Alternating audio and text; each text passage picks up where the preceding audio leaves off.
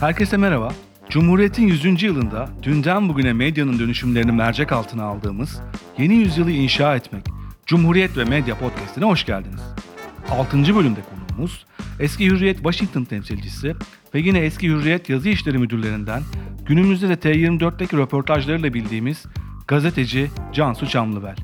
Bu bölümde yeni Türkiye'nin hikayesinin başladığı tarihten yani 2000'lerin başından Gezi Parkı protestolarına kadarki döneme kadar medya ve iktidar mücadelesini konuşuyoruz. 2000'lerin başı Türkiye'nin günümüzdeki hikayesinin temellerinin atıldığı yıllardı. DSP, MHP, ANAP koalisyonu ekonomik krizden sağa çıkamamış, 2002'deki erken seçimler AK Parti'yi ilk kez iktidara taşımıştı. Medya ise yine hikayenin merkezindeydi. Büyük gazeteler hastalık haberleriyle dönemin başbakanı Ecevit'in görevi bırakması için yürütülen kampanyanın başını çekmişti. Gazeteler Osmanlı İmparatorluğu'nun son dönemler için kullanılan hasta adam tabirini tarihin çekmecesinden çıkarıp Ecevit'e karşı kullanmaya başlamıştı. Medya erken seçim çığırtkanlığı yaparak iktidar mücadelesindeki görevini yerine getirmiş ve yeni Türkiye'ye doğru kapıları sonuna dek açmıştı. Ancak kendi başına geleceklerden de tamamen habersizdi. Yeni iktidar için işler yolunda gitmediğinde bir tehdit unsuru olabileceğini zannediyordu. Yeni iktidarla kısa menzilli bir savaş verecek ve sonunda kaybedecekti. Çok zaman geçmeden medya halen hesaplaşılmamış bir günahın başrollerinden birinde boy gösterecekti. Türkiye 2007 yılında Agos gazetesi genel yayın yönetmeni Hrant Dink'in 17 yaşında bir genç tarafından öldürülmesiyle sarsılacaktı. 2004'te Agos'taki Sabiha Gökçen yazısıyla başlayan gerilim medyanın da içinde bulunduğu karanlık bir kampanyanın gölgesinde cinayetle sonuçlanacaktı. Genelkurmay Başkanlığı'nın bile dahil olup gazetecilik dersi vermeye kalkıştığı bu hikaye merkez medyadaki bazı kalemlerin çarpıtmalarıyla giderek alevlenmiş, sonunda bir bebekten katil yaratan karanlığa evrilmişti. Yeni Türkiye'nin ilk izleri AK Parti iktidarının medya cephesinde verdiği mücadelede de hissediliyordu. Uzan grubunun saf dışı bırakılması ve yeni bir merkez medya oluşturma çabası oldukça etkili bir şekilde işliyordu. AK Parti'nin ikinci seçim zaferinin ardından Sabah ve ATV gibi büyük medya kuruluşları çeşitli olaylarla TMSF'ye geçecek ve yeniden dizayn edilecekti. Günümüzde iktidar yanlısı pozisyonlarını radikal düzeylerde sürdüren bu kuruluşlar AK Parti'nin medya karşılıklı zaferinin de en büyük temsilcileri olacaktı. Hikayenin diğer yakasında ise Taraf gazetesi vardı. Hegemonyanın tesisi için oldukça kullanışlı bir araç olan bu gazeteyle birlikte iktidarın yeni hedefi askeri vesayet olarak adlandırılan yapı oldu. Her ne kadar o sürecin merkezinde Taraf gazetesi olsa da ondan önce Nokta dergisi de benzer bir girişimin ilk örneklerinin görüldüğü yer olmuştu. Bu dönemde AK Parti ile medya arasındaki mücadele farklı kanallardan devam edecekti. Üniversitelerde başörtüsü meselesi uzun süredir gündemdeydi. Başörtüsüne yönelik anayasa değişikliğinin ardından Türkiye'nin en büyük medya kuruluşlarından Doğan Medya ile AK Parti arasında gerilim başlayacak. Deniz Feneri meselesiyle bu gerilim arşa çıkacaktı. Artık iktidarı giderek kuvvetlenen Erdoğan açıktan Doğan grubuyla savaşa girişmiş, peşinden rekor vergi cezaları gelmişti. Her ne kadar Doğan grubu geri adım atmaya çalışsa da AK Parti bu savaşı da kazanacak, Doğan grubu satılacaktı. Merkez medyanın neredeyse tamamen iktidarın kontrolüne girmeye başladığı esnada Türkiye'de özellikle sosyal medya kanallarında alternatif sesler yükselmeye başlamıştı. O döneme eşlik eden Gezi Parkı protestolarının patlak vermesiyle büyük çoğunluğu sosyal medyadan örgütlenen milyonlar sokaklara döküldü. Merkez medya bu harekete sessiz kalacak, yer yer iktidar yanlısı bir pozisyon alacak ve o dönem çokça tartışılan penguen belgeselleriyle olayın büyüklüğünü gizlemeye çalışacaktı. Sosyal medyanın bu dönemdeki beklenmedik yükselişi iktidarı yeni bir mücadele alanına sevk edecekti. Halen kazananını görmediğimiz, her geçen gün yeni cephelerle genişleyen bir savaşa. Hoş geldin Cansu. Merhabalar. Ee, şimdi 2000'li yıllar deyince bölümümüzün başlığı 2000'li yıllar. 2000'li yıllar deyince hemen başında e, Bülent Ecevit'in yaşı ve hastalığı önemli bir mesele. O dönemde en çok konuşulan konulardan biri hem yaşının ilerlemiş olması hem de zaman zaman rahatsızlanıyor olması. E, şimdi 2002 yazında erken seçim kararı alınana kadar özellikle Hürriyet Gazetesi manşetlerinde ciddi bir artık bırak baskısı mevcut. Ben o dönem manşetleri tek tek yazmıştım kendi kitabımda da. Bu, bu abartılı baskının e, operasyonel mi acaba diye gibi bir şüpheyle işlemiştim. E, hatta Ecevit'in annesinin gençliğinde Ecevit'e yazdığı mektuptan e, işte 56 yaşında emekli olan Clinton'la Ecevit'in yaşını kıyaslamaya varana kadar ciddi bir e, ön sayfadan bir algı çabası var.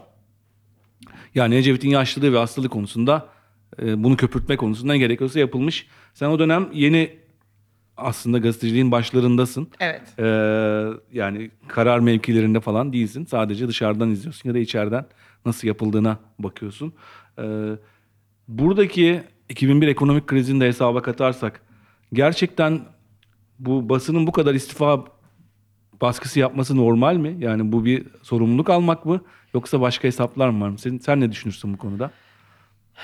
Ya ilk önce benim o zaman ne yaptığımı gerçekten bir hatırlatalım Ümit. Çünkü Tabii. şimdi kalkıp böyle büyük büyük laflar edip hani e, henüz 23 yaşında genç bir insan ve e, sektöre yeni girmiş bir insanken yani onu da hatırlatayım ben işte 98 yazında e, stajyer olarak Hürriyet gazetesinde Evet. başladım. O zaman ODTÜ'de işte 3. sınıf öğrencisiydim. Ee, ve e, üniversitenin son senesiyle paralel olarak gazetecilik öğrenmeye başladım Hürriyet'in Evet. Ankara bürosunda. Aslında bu başka bir yerde olabilirdi ama e, Hürriyet'i tercih etmemin sebebi aslında biraz o e, işte e, 90'ların sonu 2000'lerin başını hatırlayalım. E, nasıl şu anda e, bizim bütün e, işte düşünce ekosistemimiz ya da medya ekos- ekosistemi e, çok ciddi kırılmalardan geçiyor. O zaman da biraz öyle bir dönemdi aslında 90'ların sonu. Çünkü Türkiye'ye özel televizyon gelmişti. TRT'den oraya bir e, kayış vardı habercilik anlamında. Bir takım şeylerin sınırlarının genişlemesi anlamına geliyordu. E, ve bu ortamda aslında televizyonlar e, televizyon kanalları popüler olmaya başlamışlardı. Yani şu andaki YouTube gibi düşün aslında o zaman. Dolayısıyla 20'li yaşlarda üniversitede henüz okuyan e, genç bir insanın e, televizyona ilgi duyması beklenirdi. Evet. Ama e, ki yani o zaman bana bu stajı organize eden kişi e, basın konseyi baş, başkanı e, Oktay kişiydi. Bir tanışıklığım da yok bu arada. Yani çok enteresandır onun da hikayesi. Şimdi benim bir tanışıklığım yok ama ben çok gazeteciliğe heves ediyorum. e, üniversitede okurken ve aslında üniversitede okurken gazeteciliğe bu kadar çok heves etmemin sebebi e, işte siyaset bilimi okuyorum e, Orta Doğu Teknik Üniversitesi'nde ve belli e, Türkiye Türkiye yani Cumhuriyet tarihinin belli siyasal dönemlerini araştırmak için işte ödevlerim oluyor, projelerim oluyor.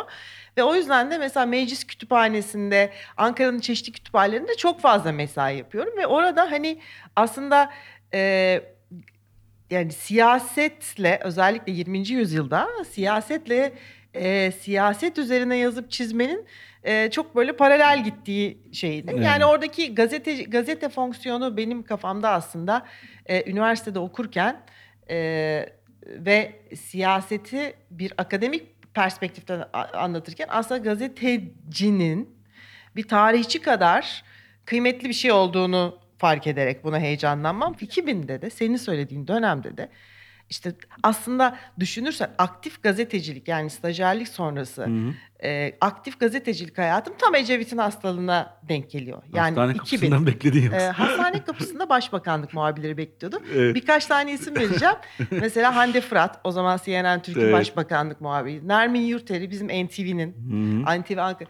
Dolayısıyla aslında bu ilişkiler, yani e, işte siyasi partilerle ya da iktidar sahipleriyle olan ilişkileri e, bugünkü gibi aslında e, gökten zembille işte bu bize yakın laf söyleyecek insandır. O yüzden onu televizyona çıkartalım gibi bir kafayla değil de hakikaten alanının insanlarıydı o zaman. Hani o ilişkileri kuranlar. İşte ben hatırlıyorum o zamanki başbakanlık muhabirlerin Ecevit başbakanken ve işte sadece Ece- Ecevit'in kendisiyle değil başbakan olarak bakanlarıyla da çok iyi ilişkileri vardı. Yani siyaset yapılan şehirde gazetecilik yapmak bunu Hı hı. gerekli ve zorunlu kılan bir Evet. şeydir.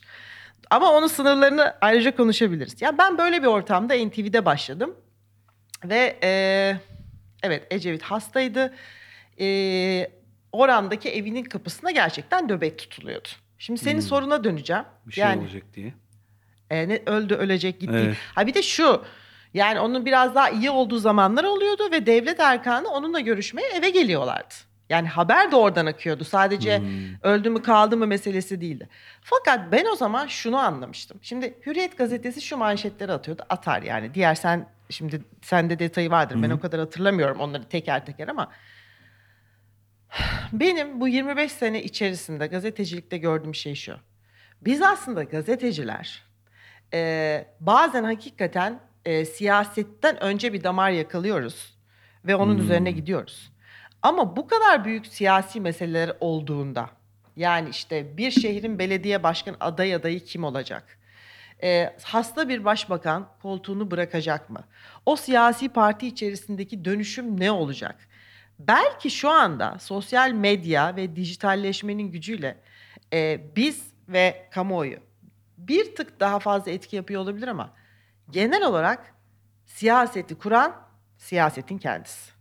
Dolayısıyla o zaman e, Ecevit'in artık gitmesi gerektiği yönündeki algıyı e, yaratan aslında gazeteler değildi. Gazeteler devletin yani gazetenin, gazetelerin o manşetleri atma konumunda olan insanları belli koridorlarda konuşulan şeyleri yani siyasi hesapları filan bunları özetleyerek ve bunları eko eko ediyorlardı, yan, yan, yansıtıyorlardı aslında. Hmm. Yani burada e, ben şunu gördüm, belki yanılıyorum. E, bu kadar bizim dışarıdan baktığımız kadar, ben Hürriyet Gazetesi'nde de yani çok uzun süre çalıştım. Hatta işte böyle kıyısından köşesinden yazı işleri müdürlüğü de yaptım. Bu kadar dışarıdan ona atfedilen güçleri var mı? Ya da o manşetler illaki, yani ben şimdi kendi tecrübemle söyleyeyim. Bazı manşetler hakikaten çok planlanarak ve öyle olsun diye atılmıştır yani Hürriyet Gazetesi'nin 60 küsür senelik tarihinde de. Benim 2000'lerde 2012-2015 arasında gördüm. Bazı manşetlerde ya başka bir haber yok şunu biraz köpürtelim şu başlığı birazcık parlatalım da koyalım işte çarpıcı bir manşet olsun diye atılmıştı. Yani dolayısıyla Günlük kaygıyla diyorsun. Evet yani ben aslında herkese yani medyadaki herkese ve medyadaki bütün kurumlara hak ettildi, hak ettiklerinden çok daha fazla önem ve bir e, ağırlık atfedildiğini düşünüyorum. Hmm, evet. Yani benim kitapta savunduğum tezin aksine aslında o kadar da güçlü olmadıklarını. Güçlü oldukları anlar var. Ama her bu zaman. gücü tahkim etmek için, bu gücü tahkim etmek için çeşitli stratejiler izledikleri anlar var. Ama her zaman e, oyunun kuralını onlar ko- kurmuyor. Bazen yani aslında o günün ruhuna dair dalgaların üzerinde sörf yapıyor ana Hmm, akım medya. yani- hani benim içeriden Trendi izleyerek o trendin içinde gidiyor. Evet yani Türkiye yani Türkiye yani Cumhuriyet tarihinin şöyle dönemleri olmuştur. Gazeteler e, belli bir e, belli bir ideolojinin o dönemin işte politikasının siyasasının şeyi olarak kullanılmıştır. Tamam, Ama Evet. ben şimdi biraz daha hani artık 2000'lere geldik ya. O 2000'lerde o işin o kadar sarih olduğunu düşünmüyorum. Yani Hmm. benim hikayeye girdiğim yerden itibaren e, artık gazeteler hakikaten e, devlet tarafından şu şu şu- ya şu her zaman var bak Ümit. Evet. E, maalesef. E, ya ben bunu bir tık bir nebze şeyde de gördüm. Yani hani Amerikan gazeteciliği, İngiliz gazeteciliği bunları da kıyaslarız. Hı hı. Ya güce yakın olmak, e, elinde gücü barındıran zümrelere yakın olmak ki bu güce yakın olmayı sadece siyaset olarak da düşünme. Aynı şey mesela spor gazetecileri için de geçerlidir. Yani böyle futbol kulüplerinin başkanlarıyla ya da işte kulüplerin e, antrenörleriyle bir acayip böyle bir yakınlık ilişkisi. Hani bu da şöyle bir şey değil. O insanlar illaki şunu yaz, bunu yazma, bunu böyle kurgulayalım dedikleri için değil. Onlara böyle doğa, ya onlar yani gücün doğal bir çekim alanı var.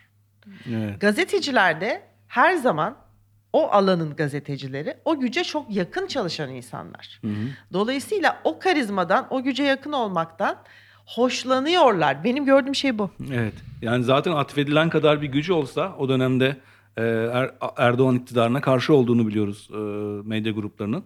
İktidara gelmezdi. Yani eğer güçleri Kesinlikle. olsaydı iktidara gelmemesini sağlayabilirlerdi. Ama Yani, onu engelleyemiyorsun bir Evet yerden. yani şu anda da hani Evet. çok e, aslında Evet. e, tamam etki alanları tartışılabilir olmakla beraber çok çeşitli medyamız var. Yani hepimizin bu kadar çok gücü olsaydı yani bizim lafımızla, sözümüzle yazdığımız, çizdiğimiz şeylerle yani inerdi kalkardı bütün siyasi partiler. Evet. Yani dolayısıyla ben hani e, bunun bu kadar abartıl yani biz bunu çok abartılı düşünüyoruz. Hı hı. Hani öyle yaptılar da öyle filan. Yani mesela şunu çok tartışmalı bir şey söyleyeceğim şimdi. Yani evet çok e, bir ülkede e, özgür ve adil seçimlerin temel kuralı eşit olarak herkesin yarışabilmesidir. Evet. Dolayısıyla e, Sayın Cumhurbaşkanı'nın 2023 Mayıs seçimleri öncesinde yaptığı yani başka bir siyasi liderin kendi rakibinin yapmadığı bir şeyi ya da onu desteklemeyen ya da neyse işte o şeylerin kliplerin filan mitinglerde gösterilmesi. Yani bir demokrasi yani ya da demokratik bir seçim ortamında olabilecek bir şey değildir. Yani bu asla kabul edilemeyecek bir şeydir. Fakat hani orada seçimin sonucunu bu etkilemiş midir?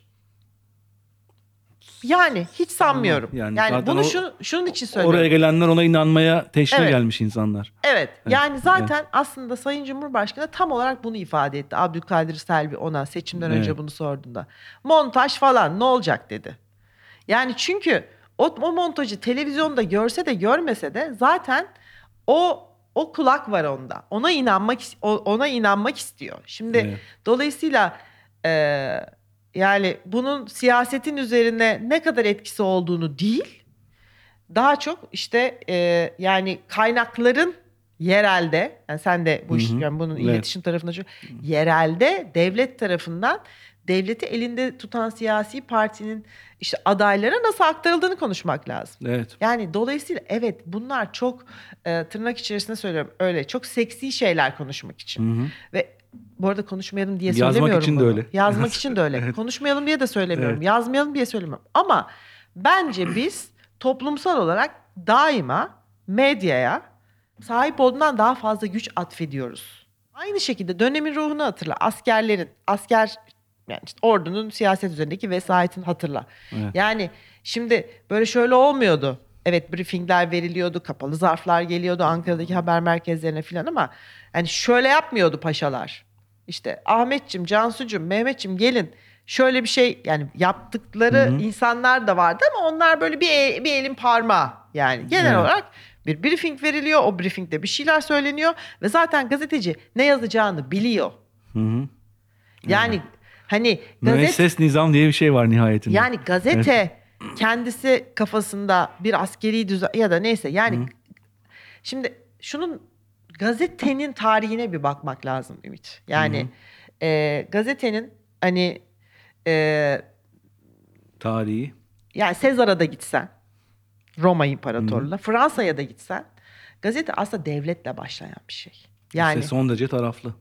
yani devletin ya da devlet demeyelim hani devlet Güç odakları. güç odağının Evet. kendi yaptığı ettiği işleri kamuoyuna duyurmayan işte yani bu bir duvar gazetesi olarak başlıyor biliyorsun. Kiliseler olabilir. Evet. Politik şeyler yani şimdi olabilir. dolayısıyla aslında gücü elinde tutanın bir propaganda aracı olarak doğmuş bir iş. Evet. Ve yani Fransa'da ilk e, çıkan gazeteye baktığın zaman gazet yani ilk başta yarı resmi yani işte yönetime Hı hı. çok yakın birisi tarafından kuruluyor. Bir 100 sene sonra zaten o resmi gazete haline geliyor. Yani bizim takvim vekayı gibi.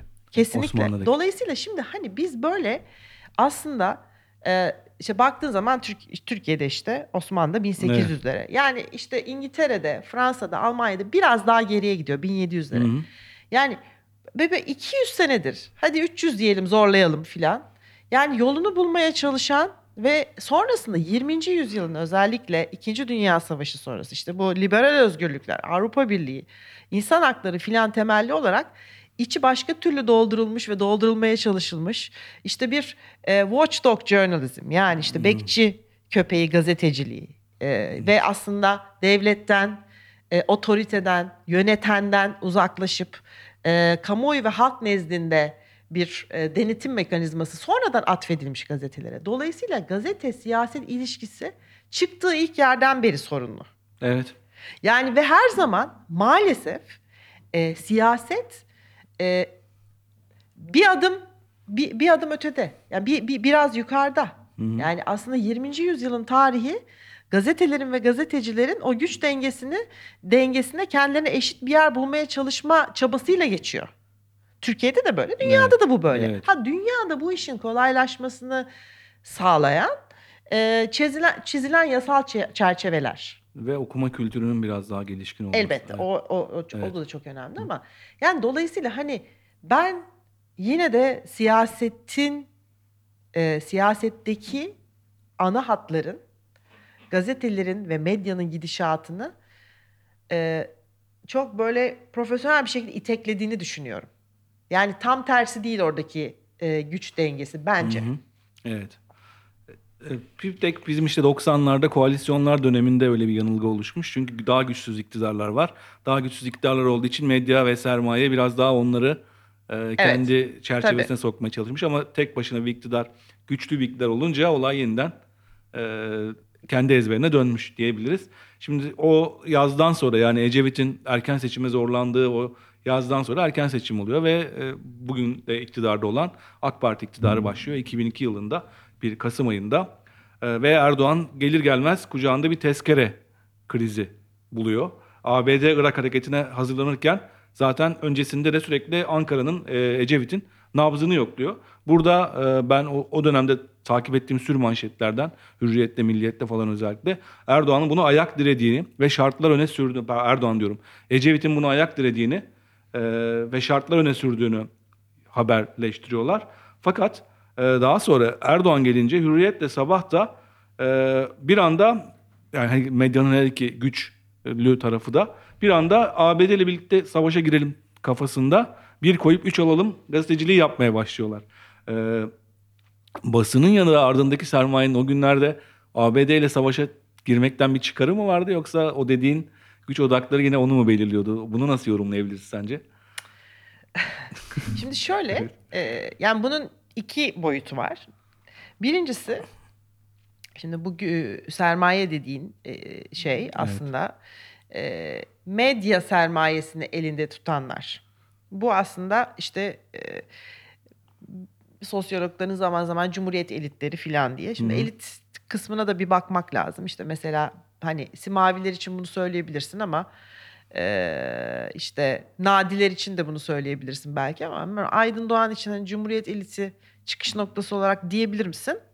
Orası biraz tartışılabilir. Evet. Ama gelinen nokta itibariyle yani sen parayı elinde tutma ve oradan bir işte kültür endüstrisi yönetme konusunda elbette ki öyle yani. Şu anda öyle tabii ama şimdi bu sermayenin bu kesimi e, kendini Türkiye'nin batıya dönük yüzü olarak tanımlamış bir kesim. Yani işte e, o zaman işte şey var Avrupa ortak pazarı var. İşte oraya doğru bir yönelim var. Yani kapitalizm ve işte özellikle Özal dönemi hı. sonrası 12 Eylül sonrasında yani çok doğal bir şekilde Türkiye'de sermayeyi elinde e, tutanlar merkez sağ siyasete do- doğru kayıyorlar ve aslında küresel ekonomideki o kapitalizm rüzgarına doğru kayıyorlar. Dolayısıyla aslında Amerika'ya destek vermek demek onların hani kafasında hani genel çerçeve olarak söylüyorum. Evet. Ona destek vermekse demek işte bir NATO üyesi ül- ülke olmak demek bu demek. Zaten Hı. Amerika'ya yakın olmak bu kadar tartışmalı bir konu değil. 2000'lerin başında düşündüğün Evet. vakit. Ee, dolayısıyla orada daha o güne dönük olarak bir çıkar elde etmekten ziyade bir zihniyet var. Hani bu. Bir de bunun üzerine şöyle bir katman geliyor. İslamcılar iktidara geldi. Bizim Batı ile ilişkilerimizi bitirmek istiyorlar. E İşte dolayısıyla işte e, bunun da sübabı Amerika ile birlikte yani bunun böyle tuhaf hani şu anda da ben görüyorum mesela. Bugünlerdeki İsveç Hah, NATO bugün- şeyini. Bravo tam oraya Evet. getirecektim. Yani böyle tuhaf hani onu sevmiyoruz o zaman ona karşı bununla yan yana olalım. Niye? Yani onu sevmiyoruz ya da birisini sevmiyoruz ya da biz bir zihniyete karşıyız ya da bir ideolojiye karşıyız. Onun karşısında sorunlu başka bir ideolojiyi neden böyle hani delicesine savunuyoruz? Yani bu toplumsal bir şizofreni durumu Türkiye'de. Yani bu kadar psikolojik olarak niye biz bu işlere bu kadar duygusal olarak angajeyiz?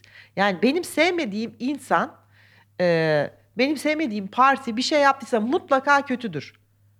Olmayabilir. Ya da Evet. senin tercih ettiğin bir siyasetçi o konuma gelseydi de aynı şeyi yapmak zorunda kalabilirdi. Keza ekonomi mesela. Bizim eleştirdiğimiz şey nedir?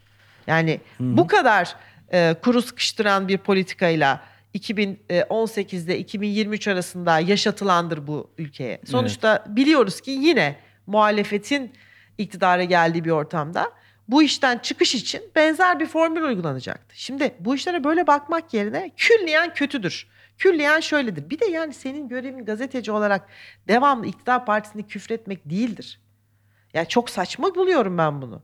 Yani bu da çok angaje bir şey. Bu da bir Hı hı. yandaşlık. Yani şimdi ben yani onların yaptıklarının yani haddi hesabı yok da hani yandaş diye Hı söylediğimiz işte hükümet e, Evet, ortağı gazetecilerin evet. diyeyim. Ama şimdi onlar da diyorlar ki siz yandaş değil misiniz bazı kişilere bizim meslekteki. Yani haklılar bir taraftan da. E, öyle çünkü sistem onun üzerine kuruldu. Şimdi ben senin Cumhuriyet izleyinden uzaklaşmak istemiyorum ama biraz çok güncele takılıyorum. Evet. Lütfen sen sorularında devam et. Tamamdır. Şimdi biz aynı kuşağın insanlarıyız. Biz AK, AK Parti öncesinde, 2002 öncesinde öğrenciydik. Yani çok daha genç yaşlardaydık.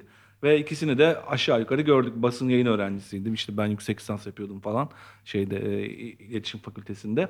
E, Sonra gördük ki e, gazetecilik bu geçiş sürecinde olmuş bir kişi olarak sen 2002 Kasım'ından sonra Türkiye'de gazetecilik mi başladı geri gitmeye yoksa bu geri gidiş daha mı öncesinde başlamıştı diye bir soru sorsam ne dersin? Yani kimileri milat olarak 2002 Kasım'ını koyuyorlar ama ben Yanlış bence. ben millet olarak 1979'da medyaya medya dışı sermayenin girişinin bu kadar hızlanmasını koyuyorum.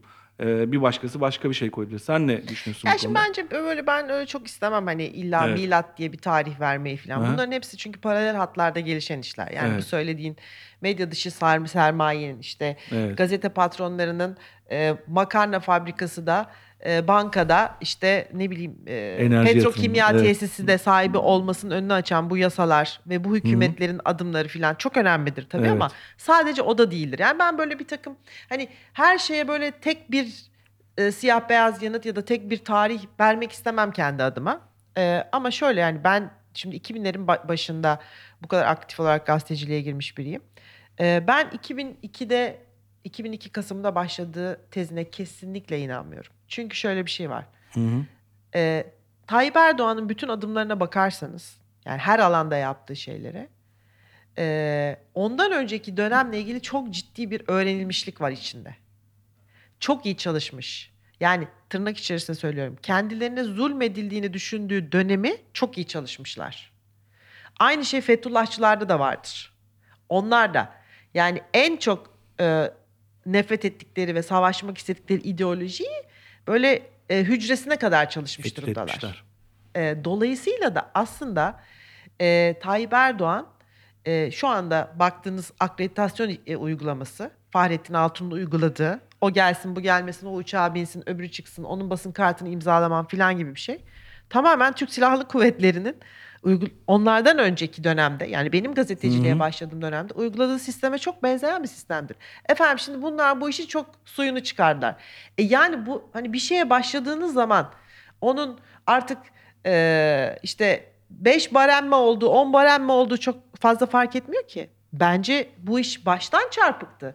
Bu çarpıklığı yani şimdi mesela hala biz 12 Eylül e, anayasasıyla yönetiliyoruz. İşte değiştireceğiz, değiştirmeyeceğiz. Yani 21. senedeler hala değiştireceğiz, değiştirmeyeceğiz. 12 Eylül anayasası sayesinde böyle otoriter bir düzeni yönetebiliyor Tayyip Erdoğan bugün. 12 Eylül anayasası sayesinde. Ha işte bilmem e, kaç onlarca değişiklik yapıldı anayasada ayrı konu ama yani bir düşünce sistemi ve pratiği olarak bir Türkçülük mantığıyla bir işte hani tamamen güvenlikçi ve Hı hı. işte dışlayıcı mantıkla yazılmış bir anayasasıdır asker anayasadır askerler tarafından yazılan. Evet. Yani Tayyip Erdoğan ülkeyi bugün demir yumrukla bu anayasa sayesinde yönetiyor.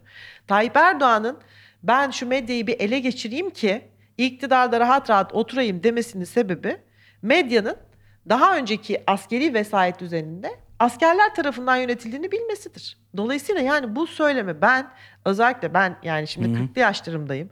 Benden çok yaşça büyük meslek büyüklerimin bunu böyle söylemesini gerçekten hayretle karşılıyorum. Yani bunun miladı 3 şey Kasım 2022'dir diye asla değildir.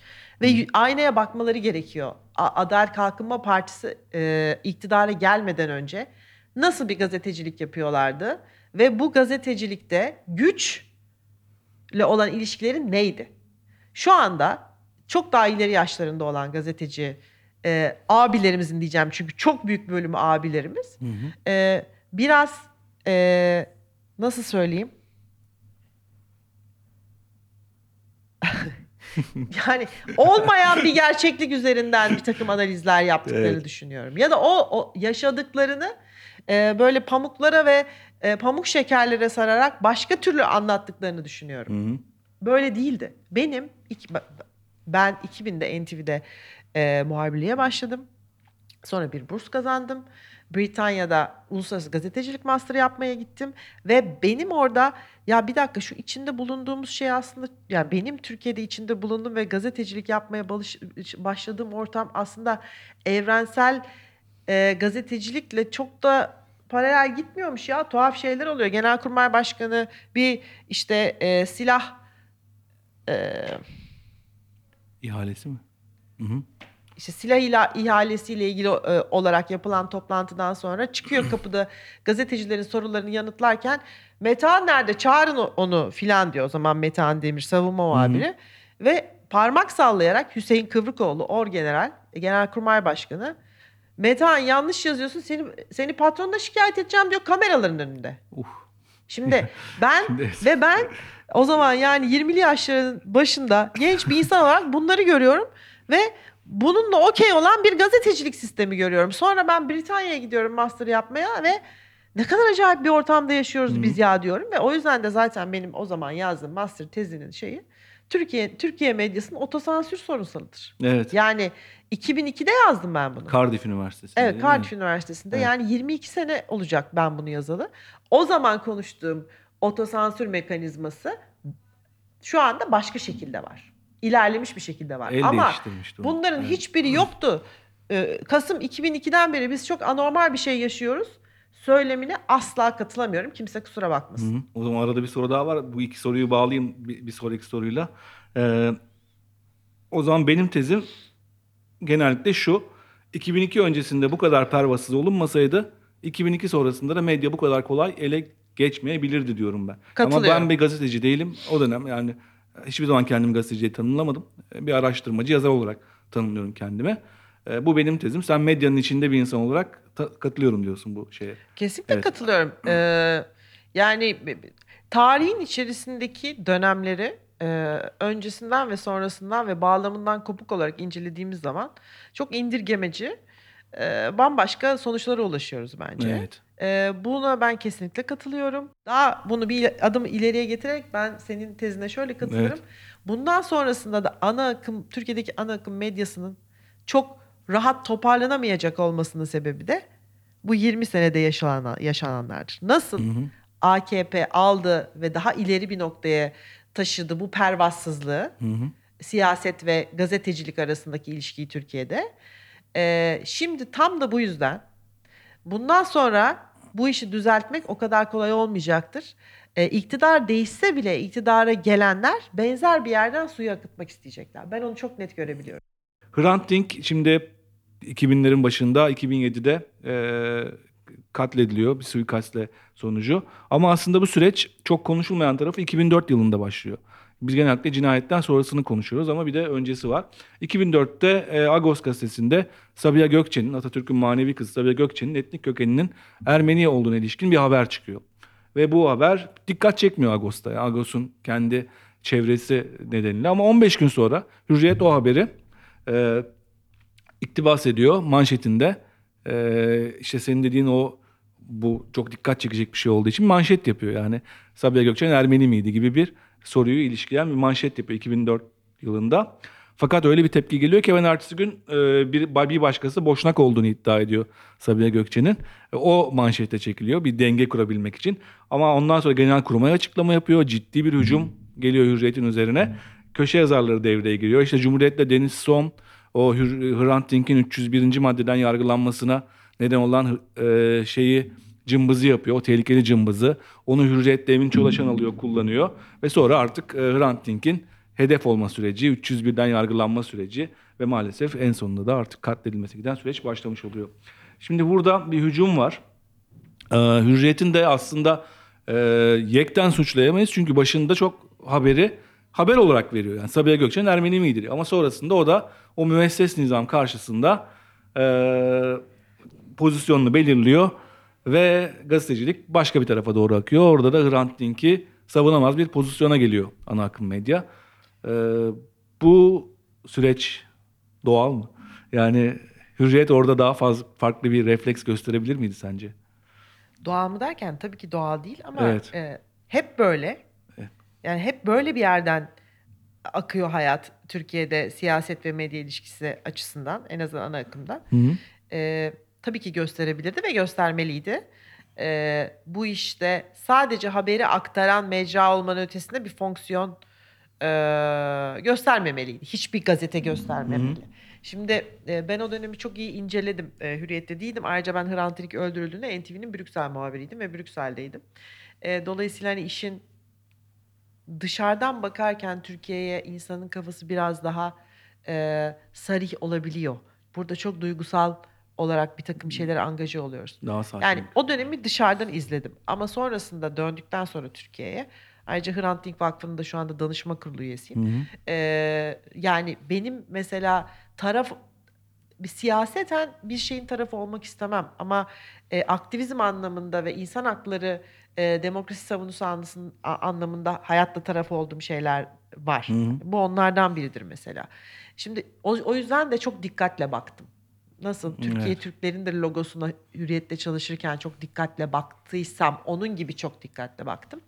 Ve aslında bu haberi yapan kişi Ersin Kalkan'dır Hürriyet'te. Hürriyet O muhabiri. işte o, o Ağustos'tan 15 gün sonra Evet ama. Ersin Kalkan'ın da kim olduğuna bakmak lazım. Geleneksel olarak eee, eee, bu işlere eee, mesafeli bakan falan birisi değildir Ersin. Ersin eee, Türkiye'de azınlıklar, eee, Hristiyan cemaatler konusunda çok o, detaylı habercilik yapan birisidir. Kendisi Evet. Balat'ta yaş- yaşayan birisidir. Yani şöyle olsa onu anlayacağım o Evet, kurguyu. Bu sürecin oraya gitmesini en çok istemeyecek insanlardan Onu biraz. söylemeye Evet. çalışıyorum. Yani bu kurgu şöyle olsa Evet. e, yani askerle ya da Türkiye'deki milliyetçi kesimlerle dirsek teması içerisinde olduğunu bildiğimiz e, bir haberci ya da bir köşe yazarından bu iş başlasa ve Hürriyet öyle bir kurguyla verse bu haberi aslında bu haber için uyandıran Hürriyet Gazetesi'nin Hı hı. yazı işlerini Ersin.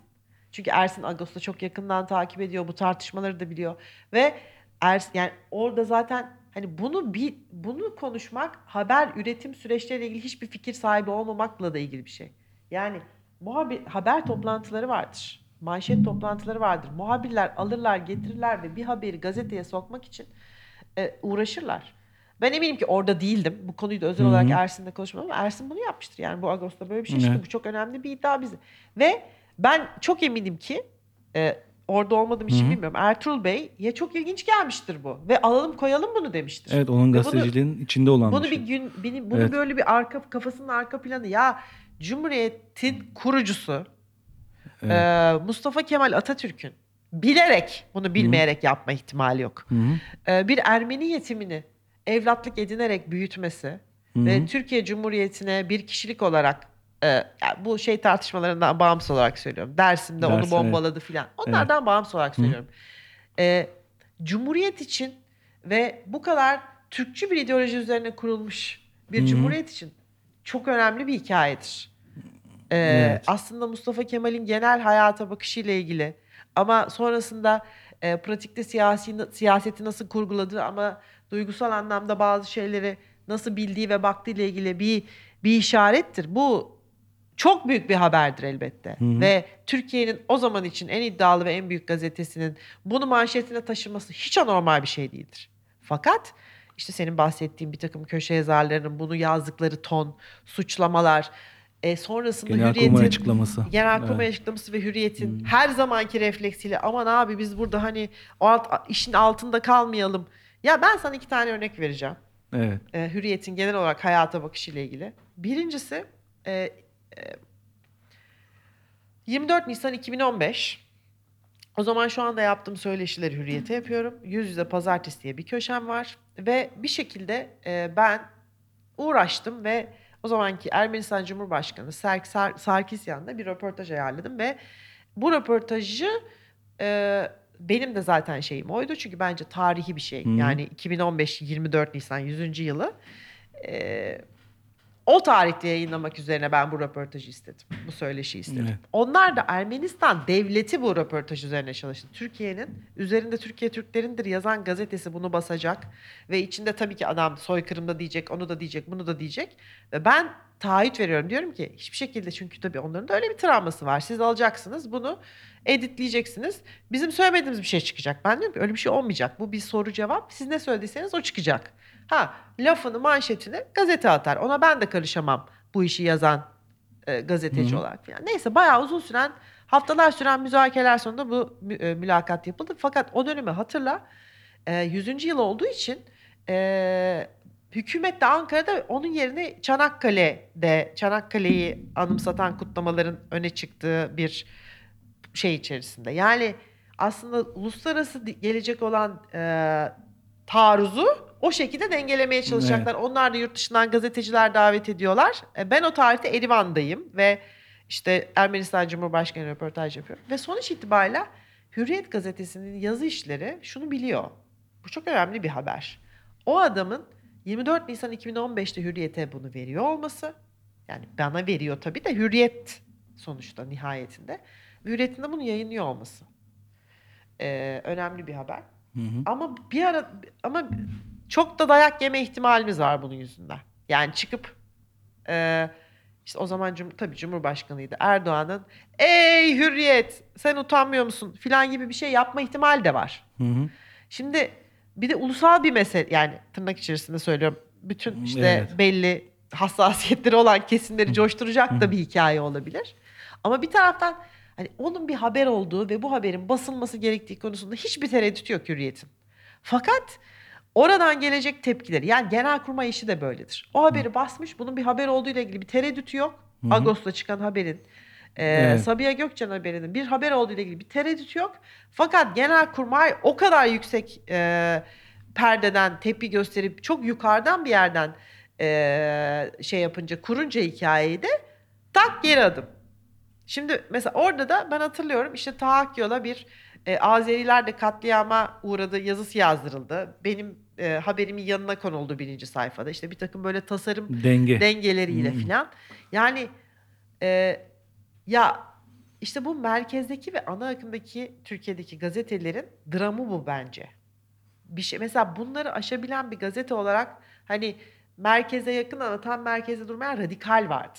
Hı hı. Yani radikal e, geleneksel anlamda işte bir evrensel gibi bir gün gibi işte Cumhuriyet'in eski dönemi gibi bir sol e, gazete Hı değildi. O yüzden de yeni sol işte liberal sol filan Evet. denildi.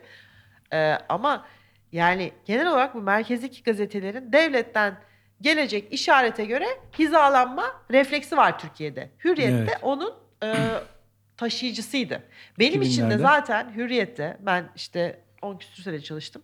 Hürriyet'te kendime yer bulmamın sebebi tam da burada eğer ben bir takım şeyleri konuşabilir, yazabilir, bir takım şeylerin haberini yapabilirsem daha geniş bir kitleye ulaşır şeydi. Yani benim düşüncemde olan bir insanın biraz önce ismini saydığım diğer mecralarda gazetecilik yapması çok daha kolay ve duygusal olarak kendisine çok daha yakın bulabileceği bir işti. Ben Evet. aslında kendim için zor olanı yaptım.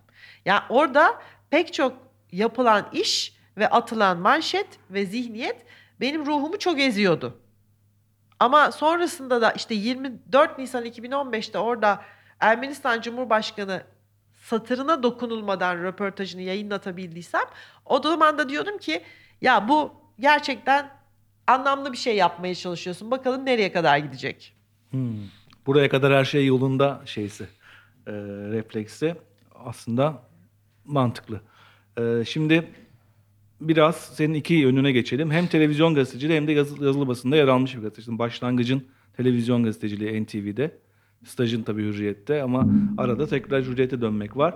E, ama senin de NTV'de yer aldığın dönem NTV'nin televizyon haberciliğinde önemli bir marka. Neredeyse lider konumda olduğu bir dönem.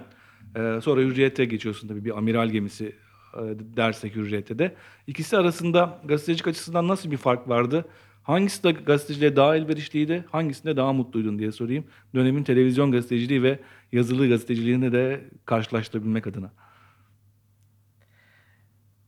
Zor bir soru. Ya mutluluk çok tabii zor. Benim tezim bu arada iş, iş gazetecilerin iş tatmini, mutluluğu yani. Benim yüksek lisans tezim. eğer Evet. iş tat yani iş tatminini tabii pek çok e, kendi içinde Evet. şeye ayırmak lazım. Bunun içerisinde ekonomik şartlar da var. Habere nasıl gittiğinle ilgili şartlar da var. Ee, özlük haklarıyla ilgili durumlar da var. İşte emeklilik hakkından e, tazminat hakkına kadar. Ya ben açıkçası şöyle söyleyeyim. NTV'nin o dönemi yani e, 2000 e, lerim ya işte 2000-2010 Hmm. dönemi yani ben, gerçi ben 2008'in sonuna doğru ayrıldım NTV'den. Hı. Doğan grubuna geçtim ama bence e, Türkiye Türkiye'deki medya kuruluşları arası şimdi şu andaki şeyleri de bilmiyorum bu arada Ümit yanlış bir şey de söylemek istemem. Evet. Özlük haklarıyla ya da içerideki ekonomik durumla ilgili çok fazla bilgim yok. Çok çok dışındayım artık bu Evet. merkezde yaşanan hani gazetecilerin koşullarıyla ilgili durumlar. Merkezde yok ki artık. Ya yine var. Hani Evet. yine Hı. aynı sonuçta televizyon kanalı Hı. var, NTV var. Ama oradaki arkadaşların kon- konumlarıyla ilgili çok da fazla bir bilgim yok. Ha nasıl bir Şu Ee, o dönem için ne dersin? nasıl bir e- haber ekosistemi Evet. içerisinde e, çalıştıklarını görüyorum. Onunla Hı. ilgili bir şey söylemelerine gerek yok ama ekonomik şartlar ya da bir gazeteci olarak içeride kendilerini nasıl hissediyorlar konusunda çok yüzde yüz söyleyecek lafım yok. Ama o zaman için şunu söyleyebilirim. Yani ki ben söylediğim gibi Britanya'da master yapıp dünyada bu iş nasıl yapılıyoru çalışıp dönmüş birisiydim NTV'ye. Gerçekten beni çok tatmin eden, mutlu eden, bana şey, çok şey öğreten e, ve bana kendimi e, kurumun önemsediğini, çalışanını önemsediğini hissettiren bir kurum kültürü vardı. Cem Aydın'ın da başında olduğu yıllar değil mi?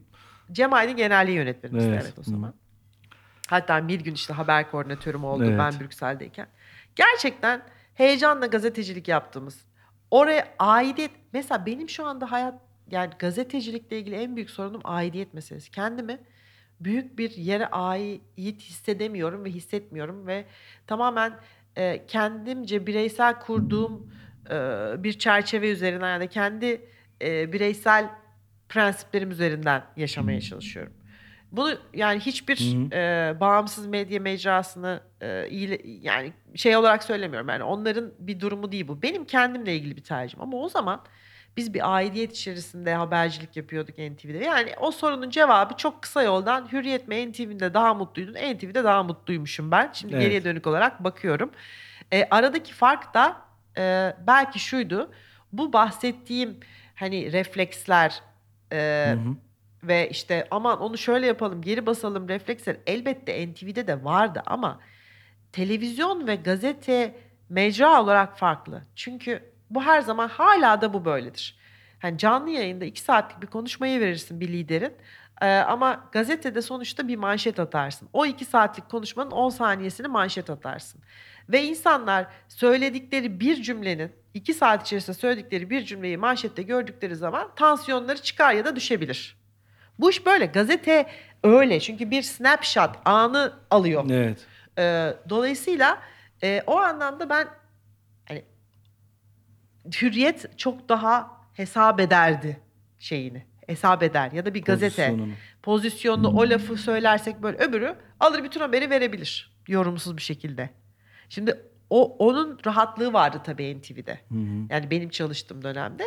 Ben e, o kadar da yani çok üzüldüğüm kurumlarda mesela Hürriyet'in de tarumar edilişini izledik ve izliyoruz. Evet. E, neyse ki gördüğüm kadarıyla o kadar tarumar edilmedi NTV. Yani NTV e, işte iktidar değişikliği, yasal rahatlıklar filan getir. Yani NTV toparlanabilir toparlanabilir bir yerde bence hala. Hı hı. Hani ama o bizim yaşadığımız döneme göre çok büyük bir e, geriye Farklı gidiş oldu. evet. Ve beni çok üzen şeylerden bir tanesi. Ben çünkü çok güzel gazetecilik öğrendiğim ve gazetecilik yapmaya başladığım bir dönem geçirmiştim NTV'de. Şimdi AK Parti'nin ilerleyen yıllarında e, sonradan karşı kutuplarda yer alacağı başka bir medya da doğuyor. Aslında o da ilginç bir deneyim. Sen içerisinde değildin. E, hepimiz dışarıdan izledik. E, o dönemin Nokta Dergisi ve sonrasında Taraf Gazetesi. E, çok daha eski olmasına rağmen yerine göre Zaman Gazetesi de bu listeye dahil edilebilir. Sonraki yıllarda bunların birer operasyon aygıtı olduğu yorumlarını çok rahat yapabildik. Ya da yap- yapanlar oldu. E, Bence ama çok rahat yaparız. o yıllarda görünen neydi? Yani bu kuruluşların gazetecilik refleksleri o dönemde de bu kadar net görünüyor muydu? Yani etkin olduğu yıllarda. Bence bu yani Evet. bunların e, operasyon mecraları olduğu yani şimdi zaman zaman ayrı bir yere koyalım. Evet. Yani zaman e, bir ideolojinin e, bir zümrenin e, sesi olarak zaten vardı hayatımızda her zaman. Çok eski Ama hani sen taraf için sordun diye söylüyorum. Evet. Benim ben kendi tarafla ilgili değerlendirmem şudur. Benim tarafın yaptığı pek çok işe heyecanlandığım Hı hı.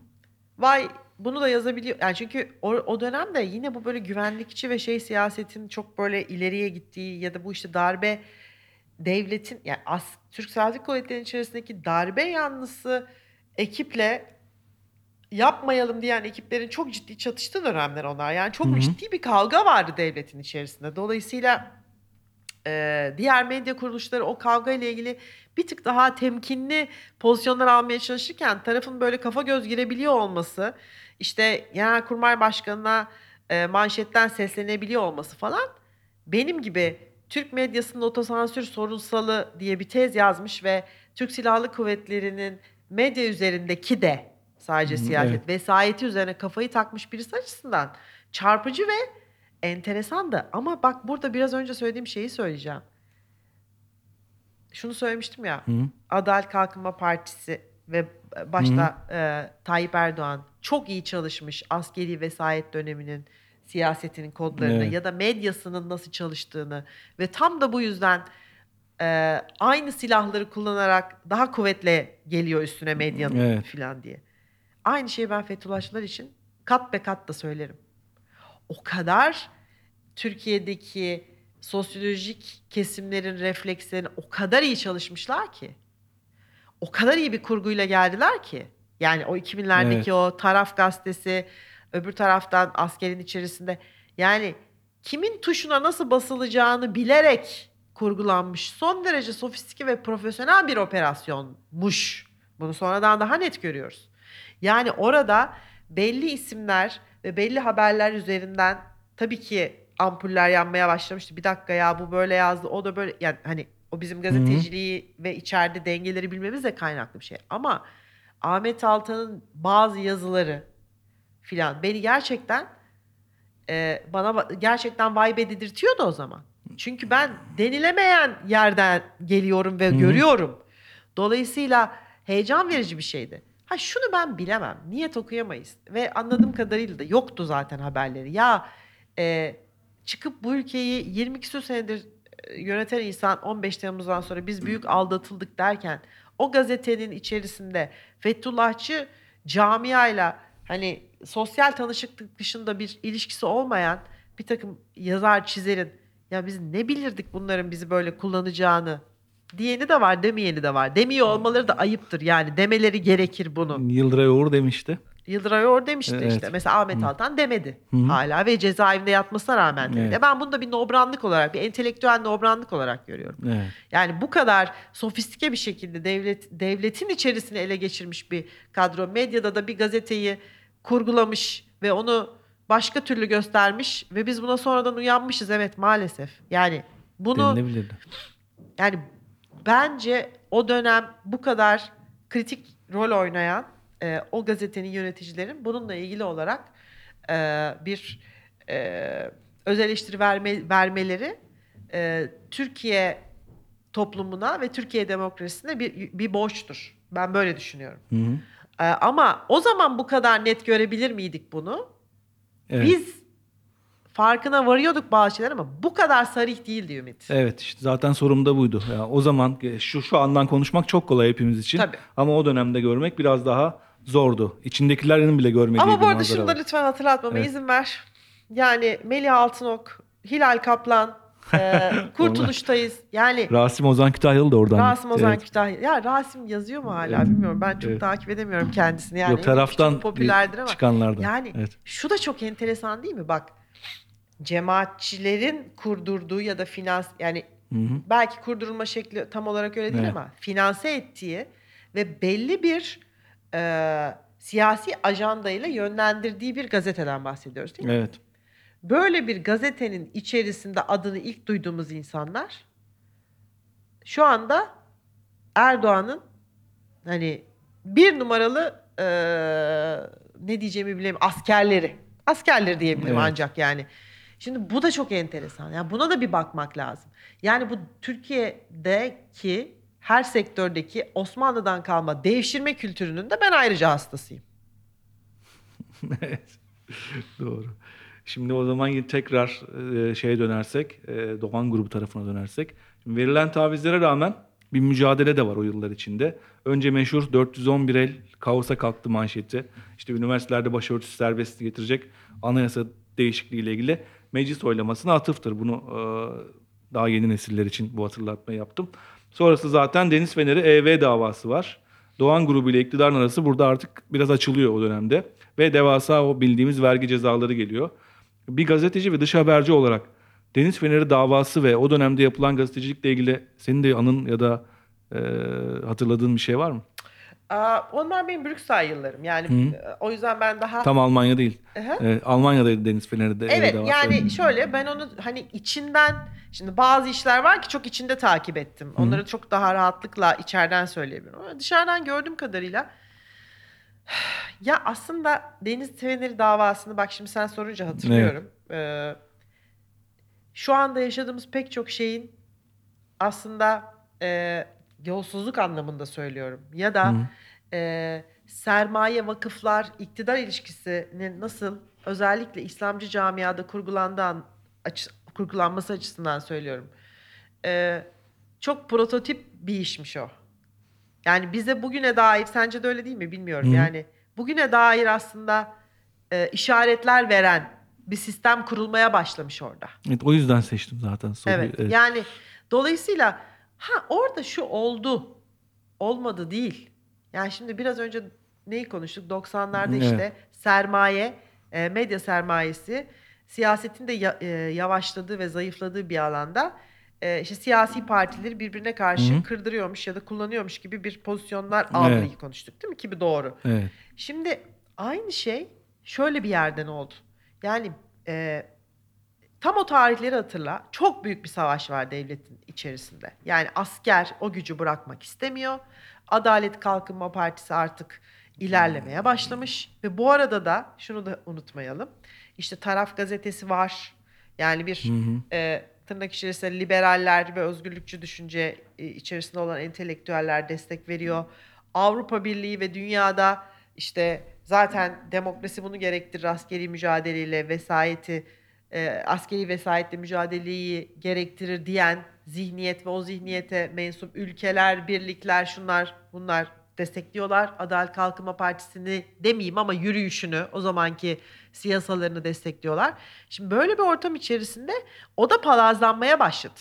Yani e, 2002'nin Adalet Kalkınma Partisi ile 2008'in Adalet Kalkınma Partisi aynı şey değil. Hı hı. Yani daha önce çekinerek yaptıkları şeyleri daha rahat yapmaya başladıkları Gülencilerin de Evet. desteğiyle. Neden? Çünkü ilk iktidara geldiklerinde devlet kadroları tamamen kendilerine karşı ideolojiyle e, e, büyütülmüş ya da işte kariyer yapmış insanlar vardı devlet kadrolarında.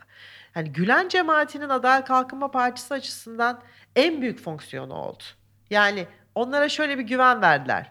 Bizimkiler de alnı secdeye değmiş Müslüman çocuklar. Yani e, milli selamet çizgisiyle Hı hı. Nurcuların çizgisi çok çatışmış olabilir ideolojik olarak İslamcılar Evet. arasında ama sonuç itibariyle iktidara gelmiş bir İslamcılıkta yani o ayrımların da çok fazla farkı kalmamaya başladı. Çünkü hani Hı. yani orada İslamcıyı sisteme almıyorum diyen bir devlet yapısı varken ya biz güçleri birleştirelim ki girelim bu sisteme diyen bir siyaset vardı karşısında. Dolayısıyla da o devlet kadroları sonradan da bu kadar zor temizlemelerinin sebebi kendilerini koymuş olması. Yani e, işte Kemalistlere karşı İslamcıları koyalım. Her yerde olabildiğince çok koyalım. E, gül- şimdi bunu yaparken de şöyle bir şey var. E yine de o bürokrasinin şartları var. İşte belli okula gitmiş olacaksın, belli kada- zaman devlet kıdemi gerekiyor filan.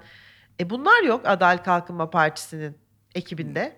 Bunlar öbür tarafta var. Bir de öbür taraftakiler bir, bir- birkaç tane daha üzerine şey takmışlar. Mesela Amerika'ya göndermişler, okutmuşlar. Avrupa'ya göndermişler, okutmuşlar. İşte İngilizce biliyorlar. Yani bürokrasi, bürokratik anlamda e, onları işe almak, istihdam etmek hani pek buralarda olmayan diğer İslamcıları istihdam kolay değil. etmekten daha güçlü ve önemli bir şey filan. Yani o zaten Adalet Kalkınma Partisi'nin bence e, aşil ten, yani aşil topu, aşil tendonu orasıydı.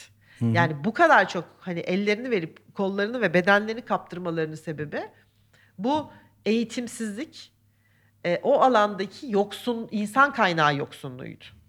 E, sorudan yine koptu. Deniz Feneri davasında yapılan gazetecilik, yapılmaya çalışan gazetecilik ve o dönemin Ya evet ama orada da işte orada da gazetelerin şeyleri girdi devreye. Ben onu görebiliyorum mesela. O zaman gazetede değilim, televizyondaydım. Hı, evet. O yüzden bir tarafı değildim hikayenin ama ya işte siz siz bize bilmem ne ihalesinden dolayı böyle yapıyorsunuz. Bizi iteliyorsunuz, kakalıyorsunuz ama bak sizin İslamcılar da işte böyle yolsuzluk yapıyor.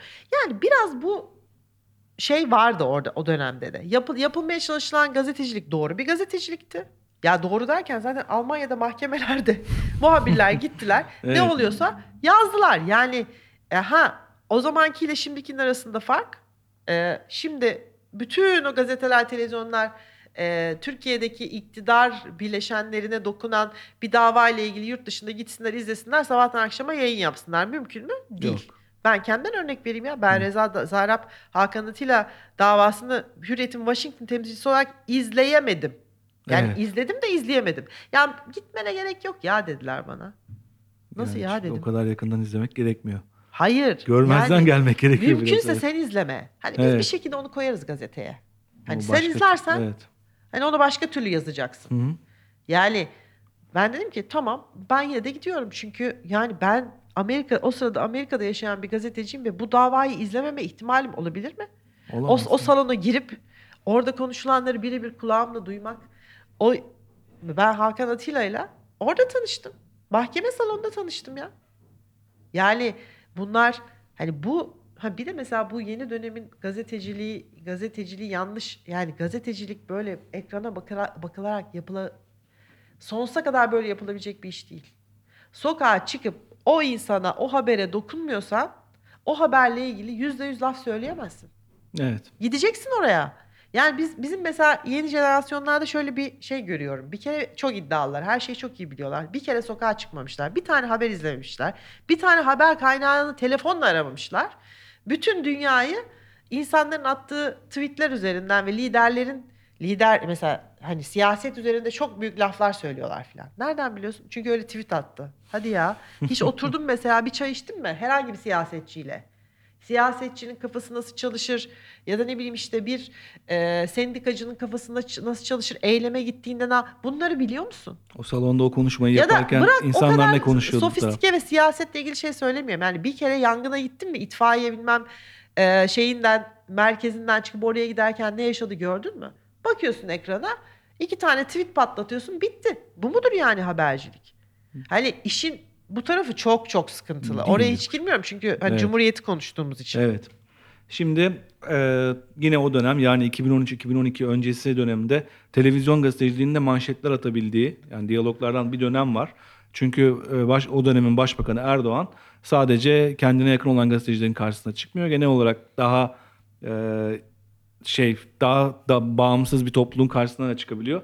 Örneğin Ergenekon operasyonu sırasında Ruşen Çakır'ın e, Ahmet Şık'ın yayınlanmamış kitabı nedeniyle tutuklanmasına ilişkin sorusuna e, Erdoğan bazı kitaplar vardır ki bombadan daha tesirlidir cevabı veriyor. Yine Ruşen Çakır'ın Hopa'daki HES protestoları sırasında kalp krizi geçiren Metin Lok- Lokumcu ile ilgili soruları sonrası Erdoğan'ın cevaplarına karşılık ama öldü efendimin cevabı gibi ilginç manşetler, başlıklar var. Dolayısıyla e, dönemin e, liderlerine soru sorulduğunda ya da soru sorulmaya çalışıldığında ortaya çıkan manşetler var. Cevap ne olursa olsun. Sen de gazetecilik kariyerin sırasında hem Washington temsilciliğin var hem Hürriyet Yazı İşleri Müdürlüğün var. E, inanıyorum ki defalarca e, Başbakan veya Cumhurbaşkanı Erdoğan'a Evet. sorular sorma fırsatı yakalamışsındır. Bunların içerisinden anlatabileceğin bir şey var mı? Yani soru sorma fırsatın olup da aldığın bir cevapla ilgili bir anın e, gözlemin. Ha, soru. Yani şimdi Cumhurbaşkanı için dersen e, Cumhur onun ilk başbakanlık yıllarında çok var. Evet. E, ama o zaman bu kadar böyle manşete taşınacak bir hikaye değildi gayet. Hı. Doğal bir şeydi yani Erdoğan'a da soru sormak. Ben işte dış, o zaman diplomasi muhabirliği yapıyordum. Dışişleri Bakanlığı'nı takip ediyordum her gün. Evet. Abdullah Gül o zaman Dışişleri Bakanı'ydı. Keza sonrasında Ahmet Davutoğlu, Ali Babacan oldu arada Ahmet Davutoğlu. Hepsine de gayet çatır çatır sorularımızı sorduk. Uçaklarına da bindik. Seyahat de ettik. Yani bu kadar abartılı bir e, seleksiyon yoktu o zaman. E, hatta Ee, yani ismen de bizi tanırlardı, bilirlerdi. Yurt dışındaki bir toplantıda bizim o, yurt dışındaki liderlere soru sormamız için de teşvik ederlerdi. Bana niye o soruyu sordunlar filan Bunlar konuşuluyordu. yoktu. Yani Yok. ben gerçekten ama hani dediğim gibi Erdoğan'la özel olarak mesai yapmadım ama uluslararası toplantılarda ya da Ankara'daki belli yerlerde soru sormuşluğum vardır kendisine. Hı hı. Ee, hatta bu e, bizim Ankara'daki e, foto muhabiri arkadaşlardan bir tanesi böyle arşiv yapıyor. Onu Facebook'a koyuyordu. Belki şey e, soracağım Serdar'a. Hı hı. Böyle Erdoğan'a soru sorarken fotoğrafım da var benim. Hı hı. Yani elimde NTV mikrofonuyla. Hani sormuşum Evet. ama ne sordun diye so- sorarsan hatırlamam çünkü her gün bir şey soruyorduk yani. Böyle hani Hı hı. soru sormak bir prodüksiyon değildi o zamanlar. Aman o soruyu sorma, bunu soramazsın. Bu Evet. kadar böyle bir şey yoktu o 2000'lerin Sorulabildiği bir dönem vardı yani. Ama Evet. mesela sana şöyle örnek vereyim. Evet. Yani Erdoğan'la son soru sorma soru soru Soru sordum sorma girişimi. Girişimimden bahsedeyim. Ee, Amerika'daydı, Amerika'daydım, Washington'daydım. Ee, her Eylül ayında Birleşmiş Milletler Genel Kurulu toplantıları olur New York'ta ve e, Cumhurbaşkanı oraya gelir. İşte uçağına doldurur. Hani çok se- yani sevdikleri işte o masa fotoğrafındaki gazetecilerle birlikte gelirler. Ee, işte Amerika'da da zaten 3-5 tane Türk gazetecisi kaldı. Ee, işte onlardan biriydim ben de o zaman. E, şimdi şey bir dönemdi, e, sıkıntılı bir dönemdi. Çünkü şöyle, e, Andrew Brunson, e, hatırlayacaksın Rahip- Amerikalı Rahip. Brunson, evet.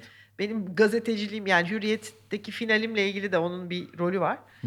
E, işte ev hapsine çıkartılmıştı duruşmada. Halbuki aslında Trump ve er, o zaman Trump Hı. e, Amerikan başkanı e, serbest bırakılmasını talep ediyor. E, e, tamamen Hı. serbest bırakılıp Amerika'ya geri dönmesini talep ediyor. Orada bir takım böyle yanlış anlaşmalar, yanlış bir diplomasi falan yürüdükten sonra e, ev hapsine çıkartılıyor ve aslında anladığım kadarıyla Türk tarafı da cezaevinden ev hapsine çıkartılmasını da bir hani olumlu bir adım gibi sunmak isterken ya siz bu adamı serbest bırakacaksınız diye ortalık karışıyor ve bu çok önemli bir karışma. Çünkü bugün doların işte yani 30 küsürlere var yani doların ilk 3'ten 6'ya zıpladığı yer o 2008 ya- şey, 2018 yazıdır. Ee, Cumhurbaşkanı ekibiyle beraber e, geldi ve e, Suriye ve Rakka operasyonu yapılmış. YPG ile ilişkisi yani şu anda hala Hı. aslında Türk-Amerika ilişkilerinde kriz olan mesele. Ee, ya işte onunla ilgili bir takım talepleri ve beklentileri var ve aynı zamanda da o sırada tam e, Zarap davası başlamak üzere şeyde e, New York'ta. O yüzden o dava ile ilgili de talepleri var. Yani bu Hı hı. davayı böyle yapmayın işte Zarrab'ı çıkar gönderin geriye iade edin Türkiye'ye falan gibi. Yani böyle şey bir dönem ve Trump'la bir görüşme yaptı. Ee, şeydi e, New York'ta ve bunu bir otelde gerçekleştirdiler. Şimdi biz de işte 3-5 gazeteci o otelde bekledik ki çıkışında hani Trump ya da Erdoğan'dan bir açıklama gelirse ya da en azından Erdoğan'ı görürsek ona soru sorarsak diye. Fakat arabalarına bindiler ve aslında onun çık ya o görüşmenin olduğu otelle Erdoğan'ın bir sonra e, toplantısının olduğu Harvard Club. Orada da işte bir takım böyle iş insanlarıyla bir araya gelecek. Arası kısa bir mesafe ama o arabayla gidiyor. Ben de o biz de o arayı koşuyoruz. Hani çünkü hesap şu. Hani biz arabalardan önce New York trafiği malum duruyor, Hı hı. kalkıyor çok yakın olmasına rağmen biz gidelim. e, Erdoğan Harvard Club'da ki diğer toplantıya girmeden önce ona soru soralım. Yani ayaktayken, sokaktayken. Evet çünkü şu da çok sevimsiz bir şey. Yani şöyle oluyor Erdoğan'ın Amerika'ya ya da herhangi bir şey ziyaretleri. Hani arada arada ne olduğunu biz bilmiyoruz. Çünkü zaten gazeteci yok ya da varsa yazmıyor. Uçaktaki kadro bir giderken bir dönerken görüyor Erdoğan. Onun yazdıklarıyla zaten tamamız. Hı hı. E arada ne oldu? Yani aradaki göz ol- olamıyor artık gazeteci. Şimdi orada benim derdim uçakta benim yayın yönetmenim var o zaman. Hı hı. Hani herhalde Vahap Munyar'dı o sırada. Yani uçaktaki gözle ilgili problem yok. Ama uçaktaki göz ya da ses zaten monoblok bir şeyden bahsediyoruz. Ekstra bir şey sormuyor, onu yapmıyor, bunu yapmıyor. Yani ben orada kendim soruyu sorup cevabını almak istiyorum Evet. Erdoğan'dan. Neyse koşarak gittim ve daha Harvard Club'da araba yanaşmamıştı. Fakat e, bir önceki e, Erdoğan'ın Amerika'ya gelişinde e, Washington'da çok büyük e, korumalarıyla protestocular arasında kavga olmuştu. Belki hatırlayacaksın. Çok büyük sorun olmuştu Amerika'da bu. Günlerce gelip burada Amerikan vatandaşları nasıl dövebilir Erdoğan'ın korumaları diye. Yani televizyonlarda saatlerce yayınlar yapılmış. Dolayısıyla gizli servis ve New York polisi inanılmaz bir gerginlik ve şey içerisinde Erdoğan'ın gittiği her yerde sokağın başına o CSI dizilerinde Hı hı. gördüğün o sarı banttan çekiyor crime scene diye ve sokmuyor kimseyi. Yani yeter ki Erdoğan ve ekibi sorunsuz bir şekilde Amerika Birleşik Devletleri'ni terk edene kadar bir e, konfrontasyon yaşanmasın gibi bir tedbir var. Yani o yüzden çok böyle şeyler e, dikkatliler. Koşarak gittim. Arkamda birkaç tane daha gazeteci arkadaş var ve e, boynumda da şeyler var. E, badge yani işte o basın kartları. Yani Amerika'da gazetecilik yaptığımı gösteren kart Hı hı. var. Birleşmiş Milletler toplantılarını izlediğimi e, ve oraya akredite olduğumu gösteren kart var. Ve onlar çok önemli çünkü New York'ta e, güvenlik o sırada dünya liderleri olduğu için her yer kapatılıyor. Ancak o kartları göstererek bir sokağa girebiliyorsun ya da bir binaya girebiliyorsun. Öyle bir an. Dolayısıyla ben hani böyle koşarak gidip o sarı bandın önüne gelip kartlarımı böyle boynumdan gösterdim ve önümde işte e, siyahi bir e, son derece iri yarı e, gizli servis elemanı var. Bakıyor bana yani. Evet hayır falan da yok. Bakıyor yani geçemeyeceksin diyor. Ben de anlatıyorum ama diyorum ben diyorum ben Türk'üm diyorum heyet burada diyorum filan. Hiçbir anlamı yok o konuşmanın.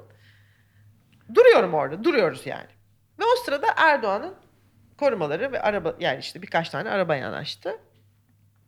Ee, ve bu arada şu da çok enteresandır. Hep de öyle oluyor. O güne özgü bir şey değil o. Ya Cumhurbaşkanı o sokaktan bu sokağa geliyor Amerika'da. Yani arada işte 5 5 Hı hı. sokak var geldiği yer. Hep beraber heyetinde bakanlarsınız siz. Ya da o zaman MİT Başkanı Hakan filan. Ya neden orada da karşılamaya çıkıyorsunuz? Yani öbür binadan bu binaya geliyor bütün bakanlar aşağıda. Hani işte o zaman Berat Albayrak da vardı. Evet. İşte ne bileyim Hulusi Akar vardı hatırladım. Ya o da çok çarpıcı bir şey. Hani Onlar da koşarak geliyor. Hani devlet ziyareti hani mesela yurt dışından dönmüş Sayın Cumhurbaşkanı karşılıyorsun filan da eskiden mesela sadece belediye başkanı karşılardı Melik Gökçek. Hı. Ya o sokaktan bu sokağa gelirken full kadro inip e, efendim hoş geldiniz diye kapıda karşılıyor. Böyle bir andayız. Hı hı. Yani fotoğraf bu. Evet.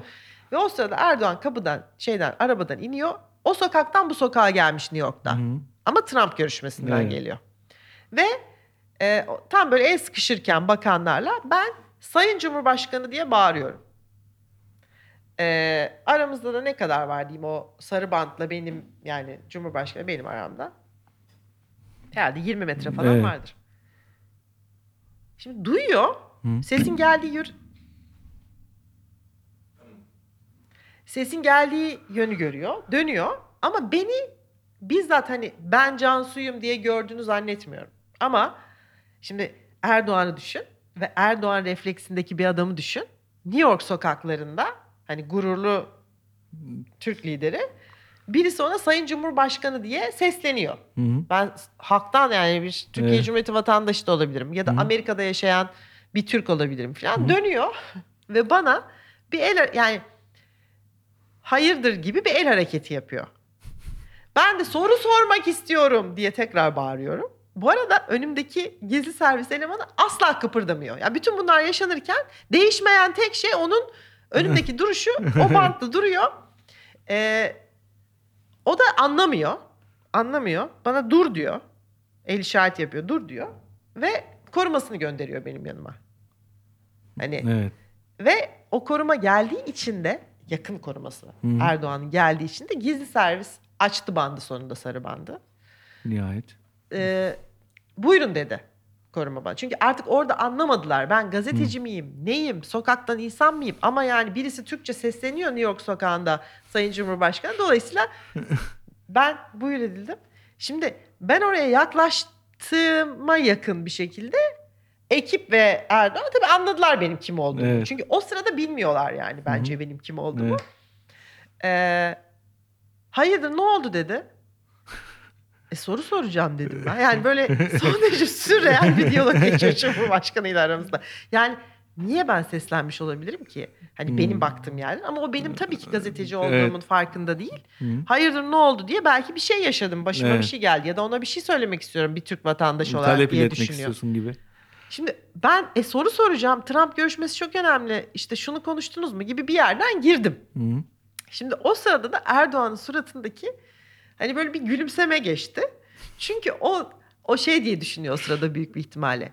Ya ben onu ne için çağırdım? Bak soru soracakmış. Bir hayranım geldi onu çağırdım gibi düşünürken bir yandan.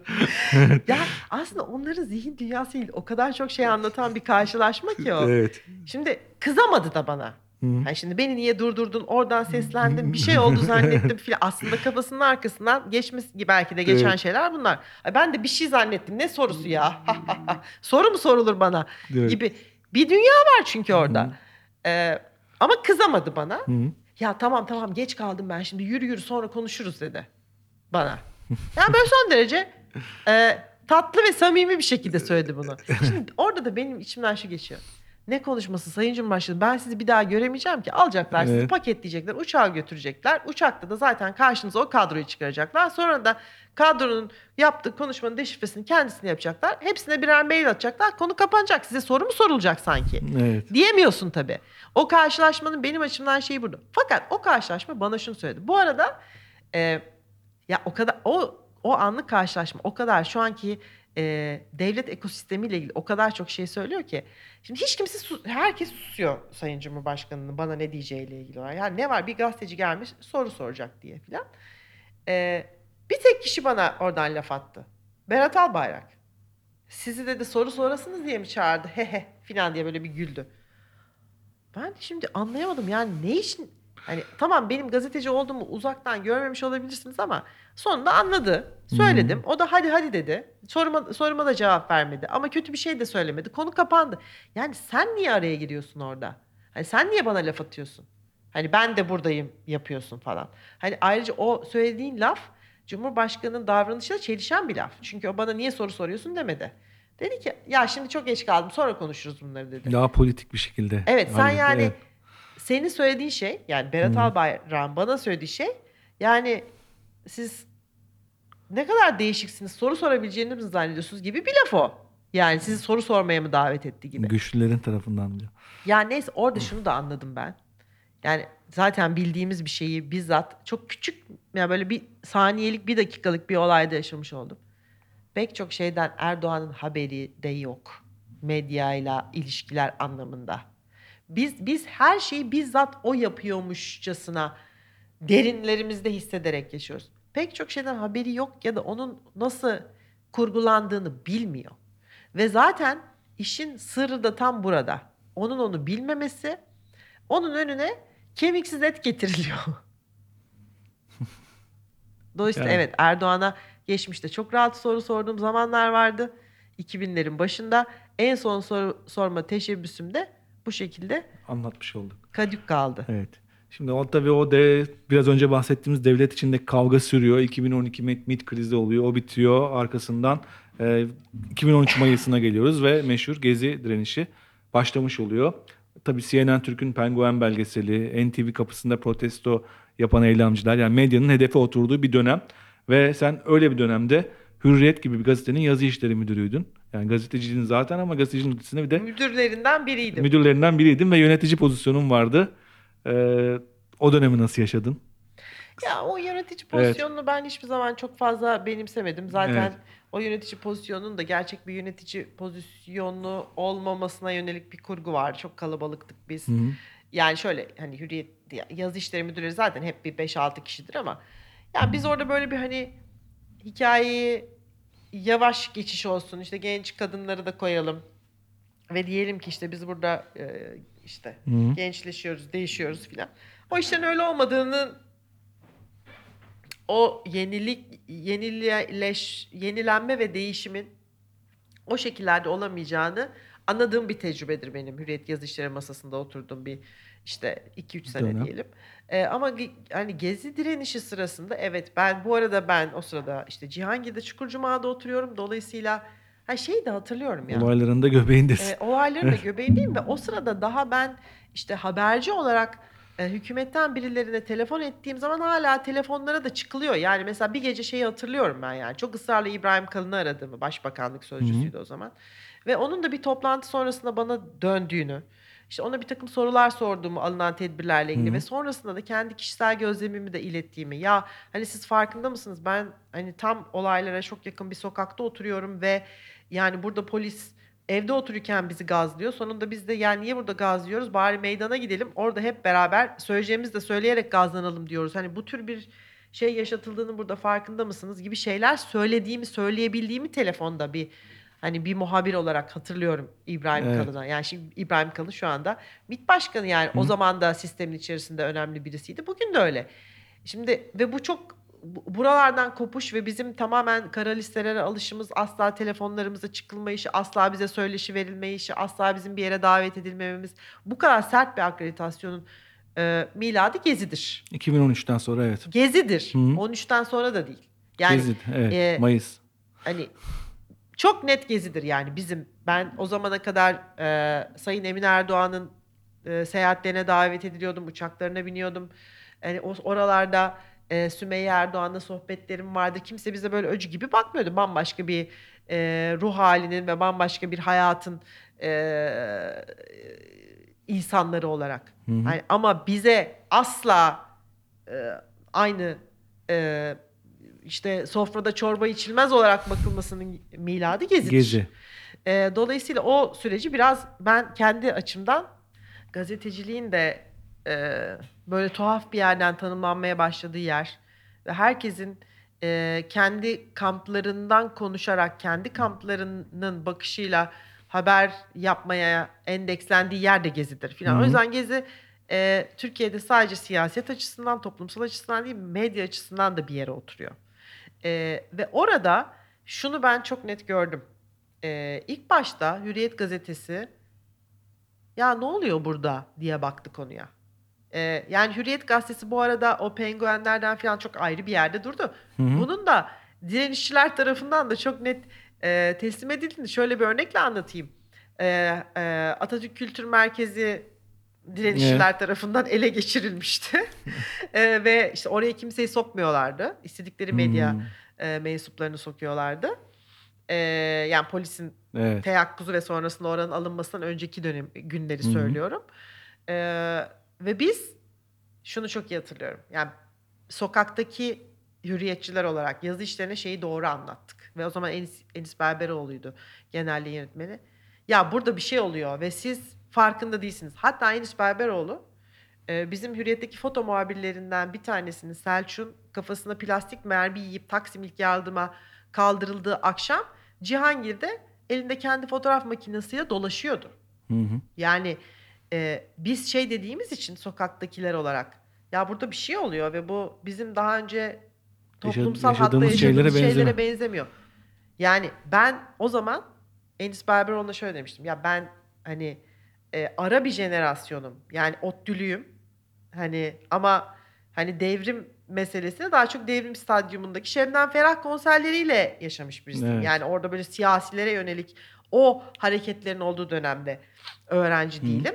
Benim dönemimde en fazla başörtüsü eylemleri oluyor idi. Oralar onlara da böyle küçük boyutta gidip destek veriyordum filan. Onun ötesinde politize bir üniversite dönemi geçirmedim. Çünkü siyaset öyle bir yerden akmıyordu. Fakat benim yaşadığım dönem içerisindeki bundan 10 sene öncesi işte 30'lu yaşlarımın başı ben böyle bir sokak hareketi görmedim demiştim. Ve Hı benim bu laflarımın ve buna benzer laflar söyleyen başka birilerinin lafları sayesinde Enis Berberoğlu ki kendisi e, işte CHP'nin gençlik işte Boğaziçi teşkilatının gençlik örgütünde filan şey yapmış birisi. Hı hı. Genç yaşlardan itibaren sokak Siyasetten, hareketlerinin evet. içerisinde olmuş ve siyasetin içerisinde olmuş birisi. E, Enis Berberoğlu o gece geldi ve yani orada tanık oldu o gece yaşananlara ve sonra ertesi gün bana dedi biliyor musun? Hani sen bana dedin ya Hı. ben kendi ömrüm hayatım içerisinde böyle bir sokak hareketi yaşamadım. O yüzden bu beni çok heyecanlandırıyor ve önemsiyorum. Ben de böyle bir sokak hareketi görmedim dedi. Hmm. Şimdi şu orada o- onun görülmüş olması yani hani hep sen şey diye soruyorsun ya şimdi orada nasıl bir siyasi kurguyla gitti Hürriyet nasıl bir mesaj vermek istedi ya her zaman da öyle olmuyor yani çok böyle interaktif ve e, hızlı gelişen işlerden bahsediyoruz Evet. şeyin çok e, yani gezinin e, meşrulaşmasında ve ana akıma ana akımda millet penguen belgeseli verirken Hı hı. bir anda ya bir dakika burada bir şey oluyor denmesinde Hürriyet'in attığı çadır yakma timi manşetinin 31 Mayıs günü Hürriyet'in manşetidir. Evet. 31 Mayıs 2013 açabilirsin bakabilirsin Hı hı. tarama yapmayı seviyorsun. Hı -hı. Çadır yakma timi. Bu o gün için çok iddialı bir manşet. Ha şimdi bugünden şunu diyecekler işte bir takım arkadaşlarımız. Aa işte o çadır yakma çadır yakma işini Fethullahçıların yaptı ortaya çıktı. Ya arkadaş tamam Kimin da yaptığı önemli değil ki. kim Haber yap- sonuçta. E sen de devlet- sen de başbakan olarak sahip çıktın buna. Başka türlü bir e, talimat verdiğinde uymadılar mı sonrasında? Yani oradaki o hareketi tetikleyen yani oradaki direnişi gerçekten e, Gezi Parkı'nın içerisinde hafta sonları bir takım kolektiflerin ki ben de gidiyordum. Orada oturup kitap okuyorduk bilmem ne. Yani o işi köpürten yani işi mecrasından başka bir yere sürükleyen orada gösterdiğiniz şiddet oldu. Bu şiddeti devletin içerisindeki Fethullahçı polis mi gösterdi? Erdoğancı polis mi gösterdi? Kusura bakmasınlar. Beni ilgilendirmiyor benim orada kafama e, şeyi Evet. Biber gazı. biber kapsülü. gazı kapsülü geliyorsa. Yani, Yani- burada beni korumakla ya da benim demokratik hakkımı bana vermekle yükümlü olan seçilmiş siyasetçi. Hı. O otoriteyi elinde tutan. O kendi polisinin içerisinde ne halt olduğuna hakim olamıyorsa o benim sorunum değil. Evet. Yani bu Dolayısıyla e, yani orada e, hani ben Hürriyet Gazetesi'nde o sırada çalışıyordum diye söylemiyorum. Hürriyet Gazetesi e, diğer televizyonlardan ve hatta CNN Türk'ten Doğan Grubu içerisindeki diğer mecralardan ayrı, ayrışmış. Ha oraya döneceğim. Beni AKM'ye aldılar ya Hürriyet muhabiri olarak düşün. Hı -hı. Geç dediler. Çünkü ben bizim gazetemiz aç- 60 yani Gezi'yi destekleyen manşetlerle çıktı. Bir hafta, iki hafta boyunca.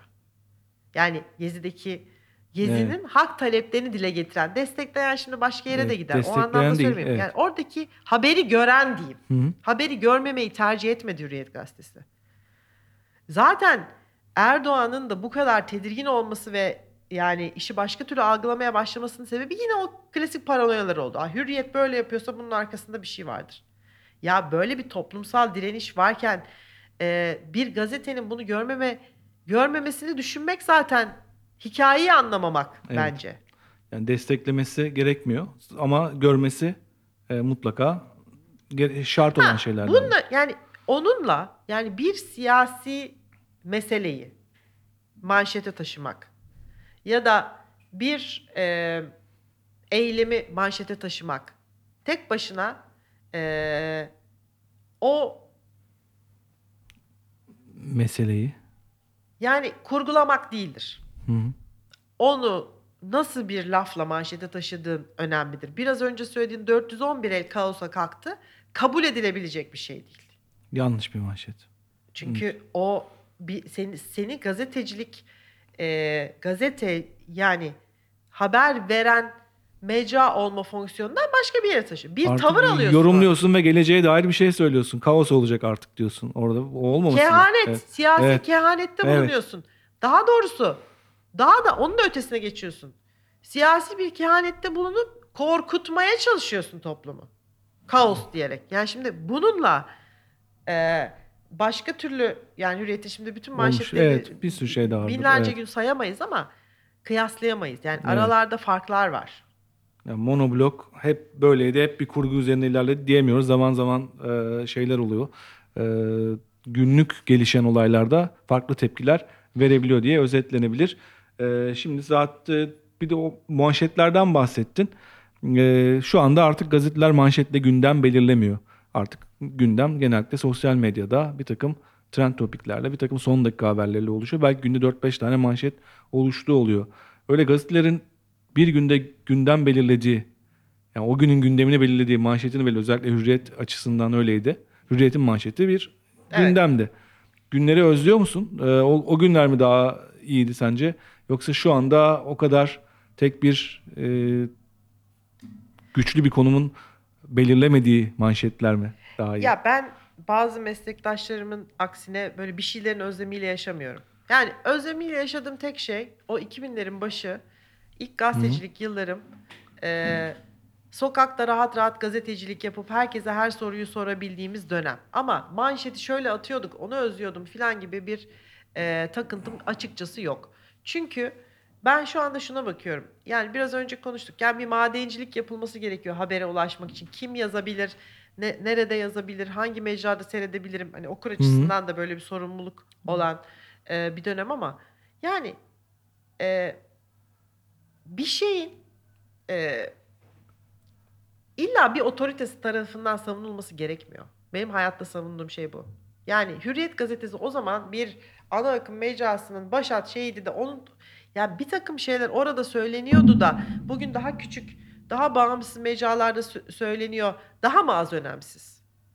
Ya da işte mesela Ertuğrul Özkök çıkıyor diyor ki ben görüyorum Ertuğrul Bey'i işte kaç tane internet şey ya böyle bir e, şey newsletter olarak gönderiyor e, köşe yazılarını ve e, benim yazdığım T24 internet e, sitesi de olmak üzere pek çok yerde On haberde de çıkıyor. çıkıyor. Benim evet, yazdığım yani her 5 yer. evet. 6 yerde Ha, çıkıyor evet. bildiğim kadarıyla. Yani aslında o kendi yazısını basmaya hevesli her yere gönderiyor. Çoğu da basıyor. Do- Ve ne diyor sonunda Ertuğrul Bey? Ee, ben diyor Hürriyet'te okuduğumdan rakamlara bakıyorum toplamına daha çok okunuyorum diyor. Şimdi dolayısıyla şu takıntılarla yaşamanın bir manası yok. Ah o günler çok güzeldi. Biz Hürriyet'te bir manşeti basardık bütün Türkiye... Ya sen şimdi de bir tane doğru düzgün haber yaptığında bu her mecra için söylüyorum. Bütün gün konuşuluyor o. 24 saat trending topik kalıyor. Bütün Türkiye medyası hatta dünya medyası onun peşine gidebiliyor. Hı hı. Yani sen doğru haberciliği yap, e, malı ortaya koy. Mecrası hürriyet mi, e, şey mi, aposto mu önemli değil ki. O mecrasını buluyor. Evet Ee, yani orada form değiştirdi. Ve biz sistem. bu gerçekle yüzleşmek zorundayız. Bu geçmişe övgü, geçmiş nostaljisi Türkiye medyasını bir yere götürmez, bir yere çıkarmaz. bir, bir daha oraya dönülmeyecek çünkü artık. Ya bambaşka. gerek var mı? Evet. Ümit, ben bunu Evet. söylüyorum. Yani biz bizde şöyle bir şey var. Evet. Ah o günler çok güzeldi. Peki konuşalım. Ee, asker tarafından e, andıçlanmak güzel miydi? Hayır. Efendim e, akreditasyon uygulaması sen gelirsin sen gelemez. E, aynı şey bugün de onu, öbürleri yapıyor aynı şeyi bize. Bu güzel miydi? E, ya da ne bileyim işte e, ben oradan bir manşet çakarım ayar ve eşim sabah gazetesi hala aynı ruh haliyle çıkartılıyor. Manşetten ayar veriyorlar. Manşetten ayar veriyorlar. İşte o 415 e, 411 el. 411 el kaosa Kaos. kalktı da bir ayar manşeti. Hı. E bugün şimdi Sabah gazetesi hala ayar manşetler atıyor. Yani bu güzel bir şey mi? Biz geçmişimizde, geçmişte içinde bulunduğumuz ekosistemin yanlışlarını da konuşup yani hatırlamamız gereken, almamız gereken yani oradaki işte en önemli şey neydi? Kurumsallıktı. Yani Hı hı. o kurumsallığın kaybolmuş olması. E, neyi çok etkiliyor? Benim için en büyük kayıp şu. O manşetlerin kaybı değil. O manşetler kendi yerini ve mecrasını buluyor ve hala da çok tartışılabiliyor. Haberin kendisi hala kendisini gayet güzel tartıştırıyor bence. Hiç orada bir sorun yok.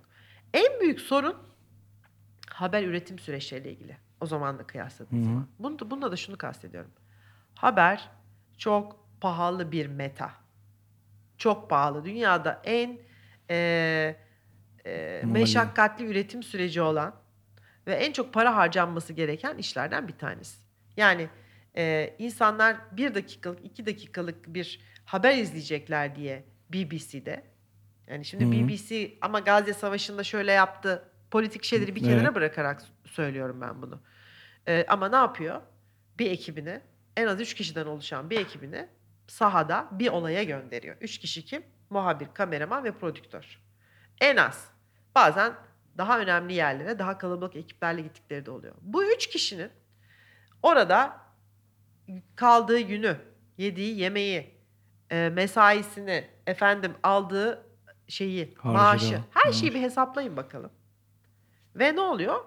O ekip hani iki dakika canlı yayına çıkıyor bu kadar. Ve o haber çıkıyor. BBC maliyetini üstleniyor ya da Hürriyet her kimse maliyetini üstleniyor. Sonra bir anda 30 saniye sonra her yerde aynı haber. Ama hiç ulaşıp- önemli değil. Maliyet veriliyor ama şey diyor dönüşü yok ya yani Ha, o maliyeti yapıyorsun Yani ve onu- sonra o yani herkesin malı şöyle. Türkiye'deki Evet. televizyonlar tam olarak da yani zaten siyasi baskı var. Haber bültenleri bir şeylere dönüştüler. Adını koyamadım bir şeylere dönüştüler. E şimdi bu kadar maliyetli bir işin hem ekonomik olarak öyle bir geri dönüşü yok. Hem de devamlı dayak yiyorsun. Kapanmakla ya da e, o kanalın sahibinin diğer işlerini kaybetmekle tehdit edildiği Hı bir süreç yaşıyorsun. Onun yerine ne yaptılar? Ya dakikasında şu kadar reklam kazandım dizilere yükleneyim. Evet. İşte toplumsal konularla ilgili de arada hani toplumsal konulara değinen senaryolarda yazayım. Şimdi bir de öyle bir moda var. Oradan da işte ne kadar büyük iş yaptın diye takayım şeyi, apoleti, yürüyeyim. E habercilik ne oldu? Ya zaten kimse haber izlemiyor. Yani evet. Yani e, yapmıyorsun ki izlesin. Yani yapsan, sağlam bir habercilik yapsan, sokakta insanın olsa, çatır çatır haber. Hı. Yani şimdi mesela ben olsam, benim şu anda ben bir medya patronu Evet. olsam, çok büyük bir elimde ekonomik imkan olsa, yapacağım şey bir senedir, bak depremin yıl dönümü, yani bir senedir deprem hattında en az 10 tane muhabir tutarım. Dönüşümlü olarak. Haber orada. evet. Haber orada. Haber 12 ay sonra 6 Şubat'ta oraya gidip ne kadar büyük acılar yaşadınız değil mi? Nasıl? Konteynerlarda iyi misiniz? Evlerde gelecek diye haber yapmak değildir. 12 aydır Orada haber var. milyonlarca insan bir şey yaşadılar. Habercilik budur. Habercilik anma töreni için oraya gitmek değildir. Şimdi bunu yapabiliyorsan zaten ana akımsın. Ana akım sadece işte çok sattım, çok izlendim falan değildir. Para harcıyor musun? Yani şu anda Türkiye'deki medya ekosistemindeki en büyük eksiklik para har- harcanacak para yok. Yani YouTuber ne yapsın? Çıkıyor, var olan haber üzerine yorum yapıyor. Evet. İşte biraz onu aşmaya çalışan bir takım arkadaşlarımız var. Ne Hı. kadar başarılı Hı. olacaklar, ne kadar uzun soluklu olacak bu çabaları bilemiyorum. Hepsinin desteklenmesi gerekiyor bir şekilde. Dayak biz dayak atmaya da ay şöyle dedi. Ya öyle dedi de öbür tarafta da bir şey yapmaya çalışıyor. Başka türlü nasıl yapacağız? Yani hem sermaye medyası olmayacağız, evet. hükümet medyası olmayacağız. Ama YouTube'da da şöyle de demeyeceğiz, böyle de yapmayacağız. Peki nasıl çıkacağız buradan? O sorunun cevabı kimsede yok. Ama o sorunun cevabı Türkiye'de de kimsede yok, dünyada da yok. Yani hep şöyle mi olacak? Bir takım e, melek yatırımcılar gelecekler, hop diye bize bir para verecekler. Sonra da resimden kaybolacaklar. Orada da biz 7-24 bütün haberleri yapmaya devam edeceğiz. Yani ekonomik olarak da bu mümkün olacak. Siyaseten de mümkün olacak. İş insanları da hep böyle e, pamuk kalpli insanlar olmak zorunda. Ya bu gerçekçi bir dünya mı? Buradan bir yere gidemeyiz. Ya bu kadar. Benim de. Teşekkürler katıldığın için. Ee, bir dönemi aydınlatmak adına gerçekten e, çok doyurucu bir sohbet oldu. Ee, izleyicilerimiz, dinleyicilerimiz de zaten bunu onaylayacaklardır diye düşünüyorum. Teşekkürler. Ben teşekkür ederim davetin için. Rica ederim.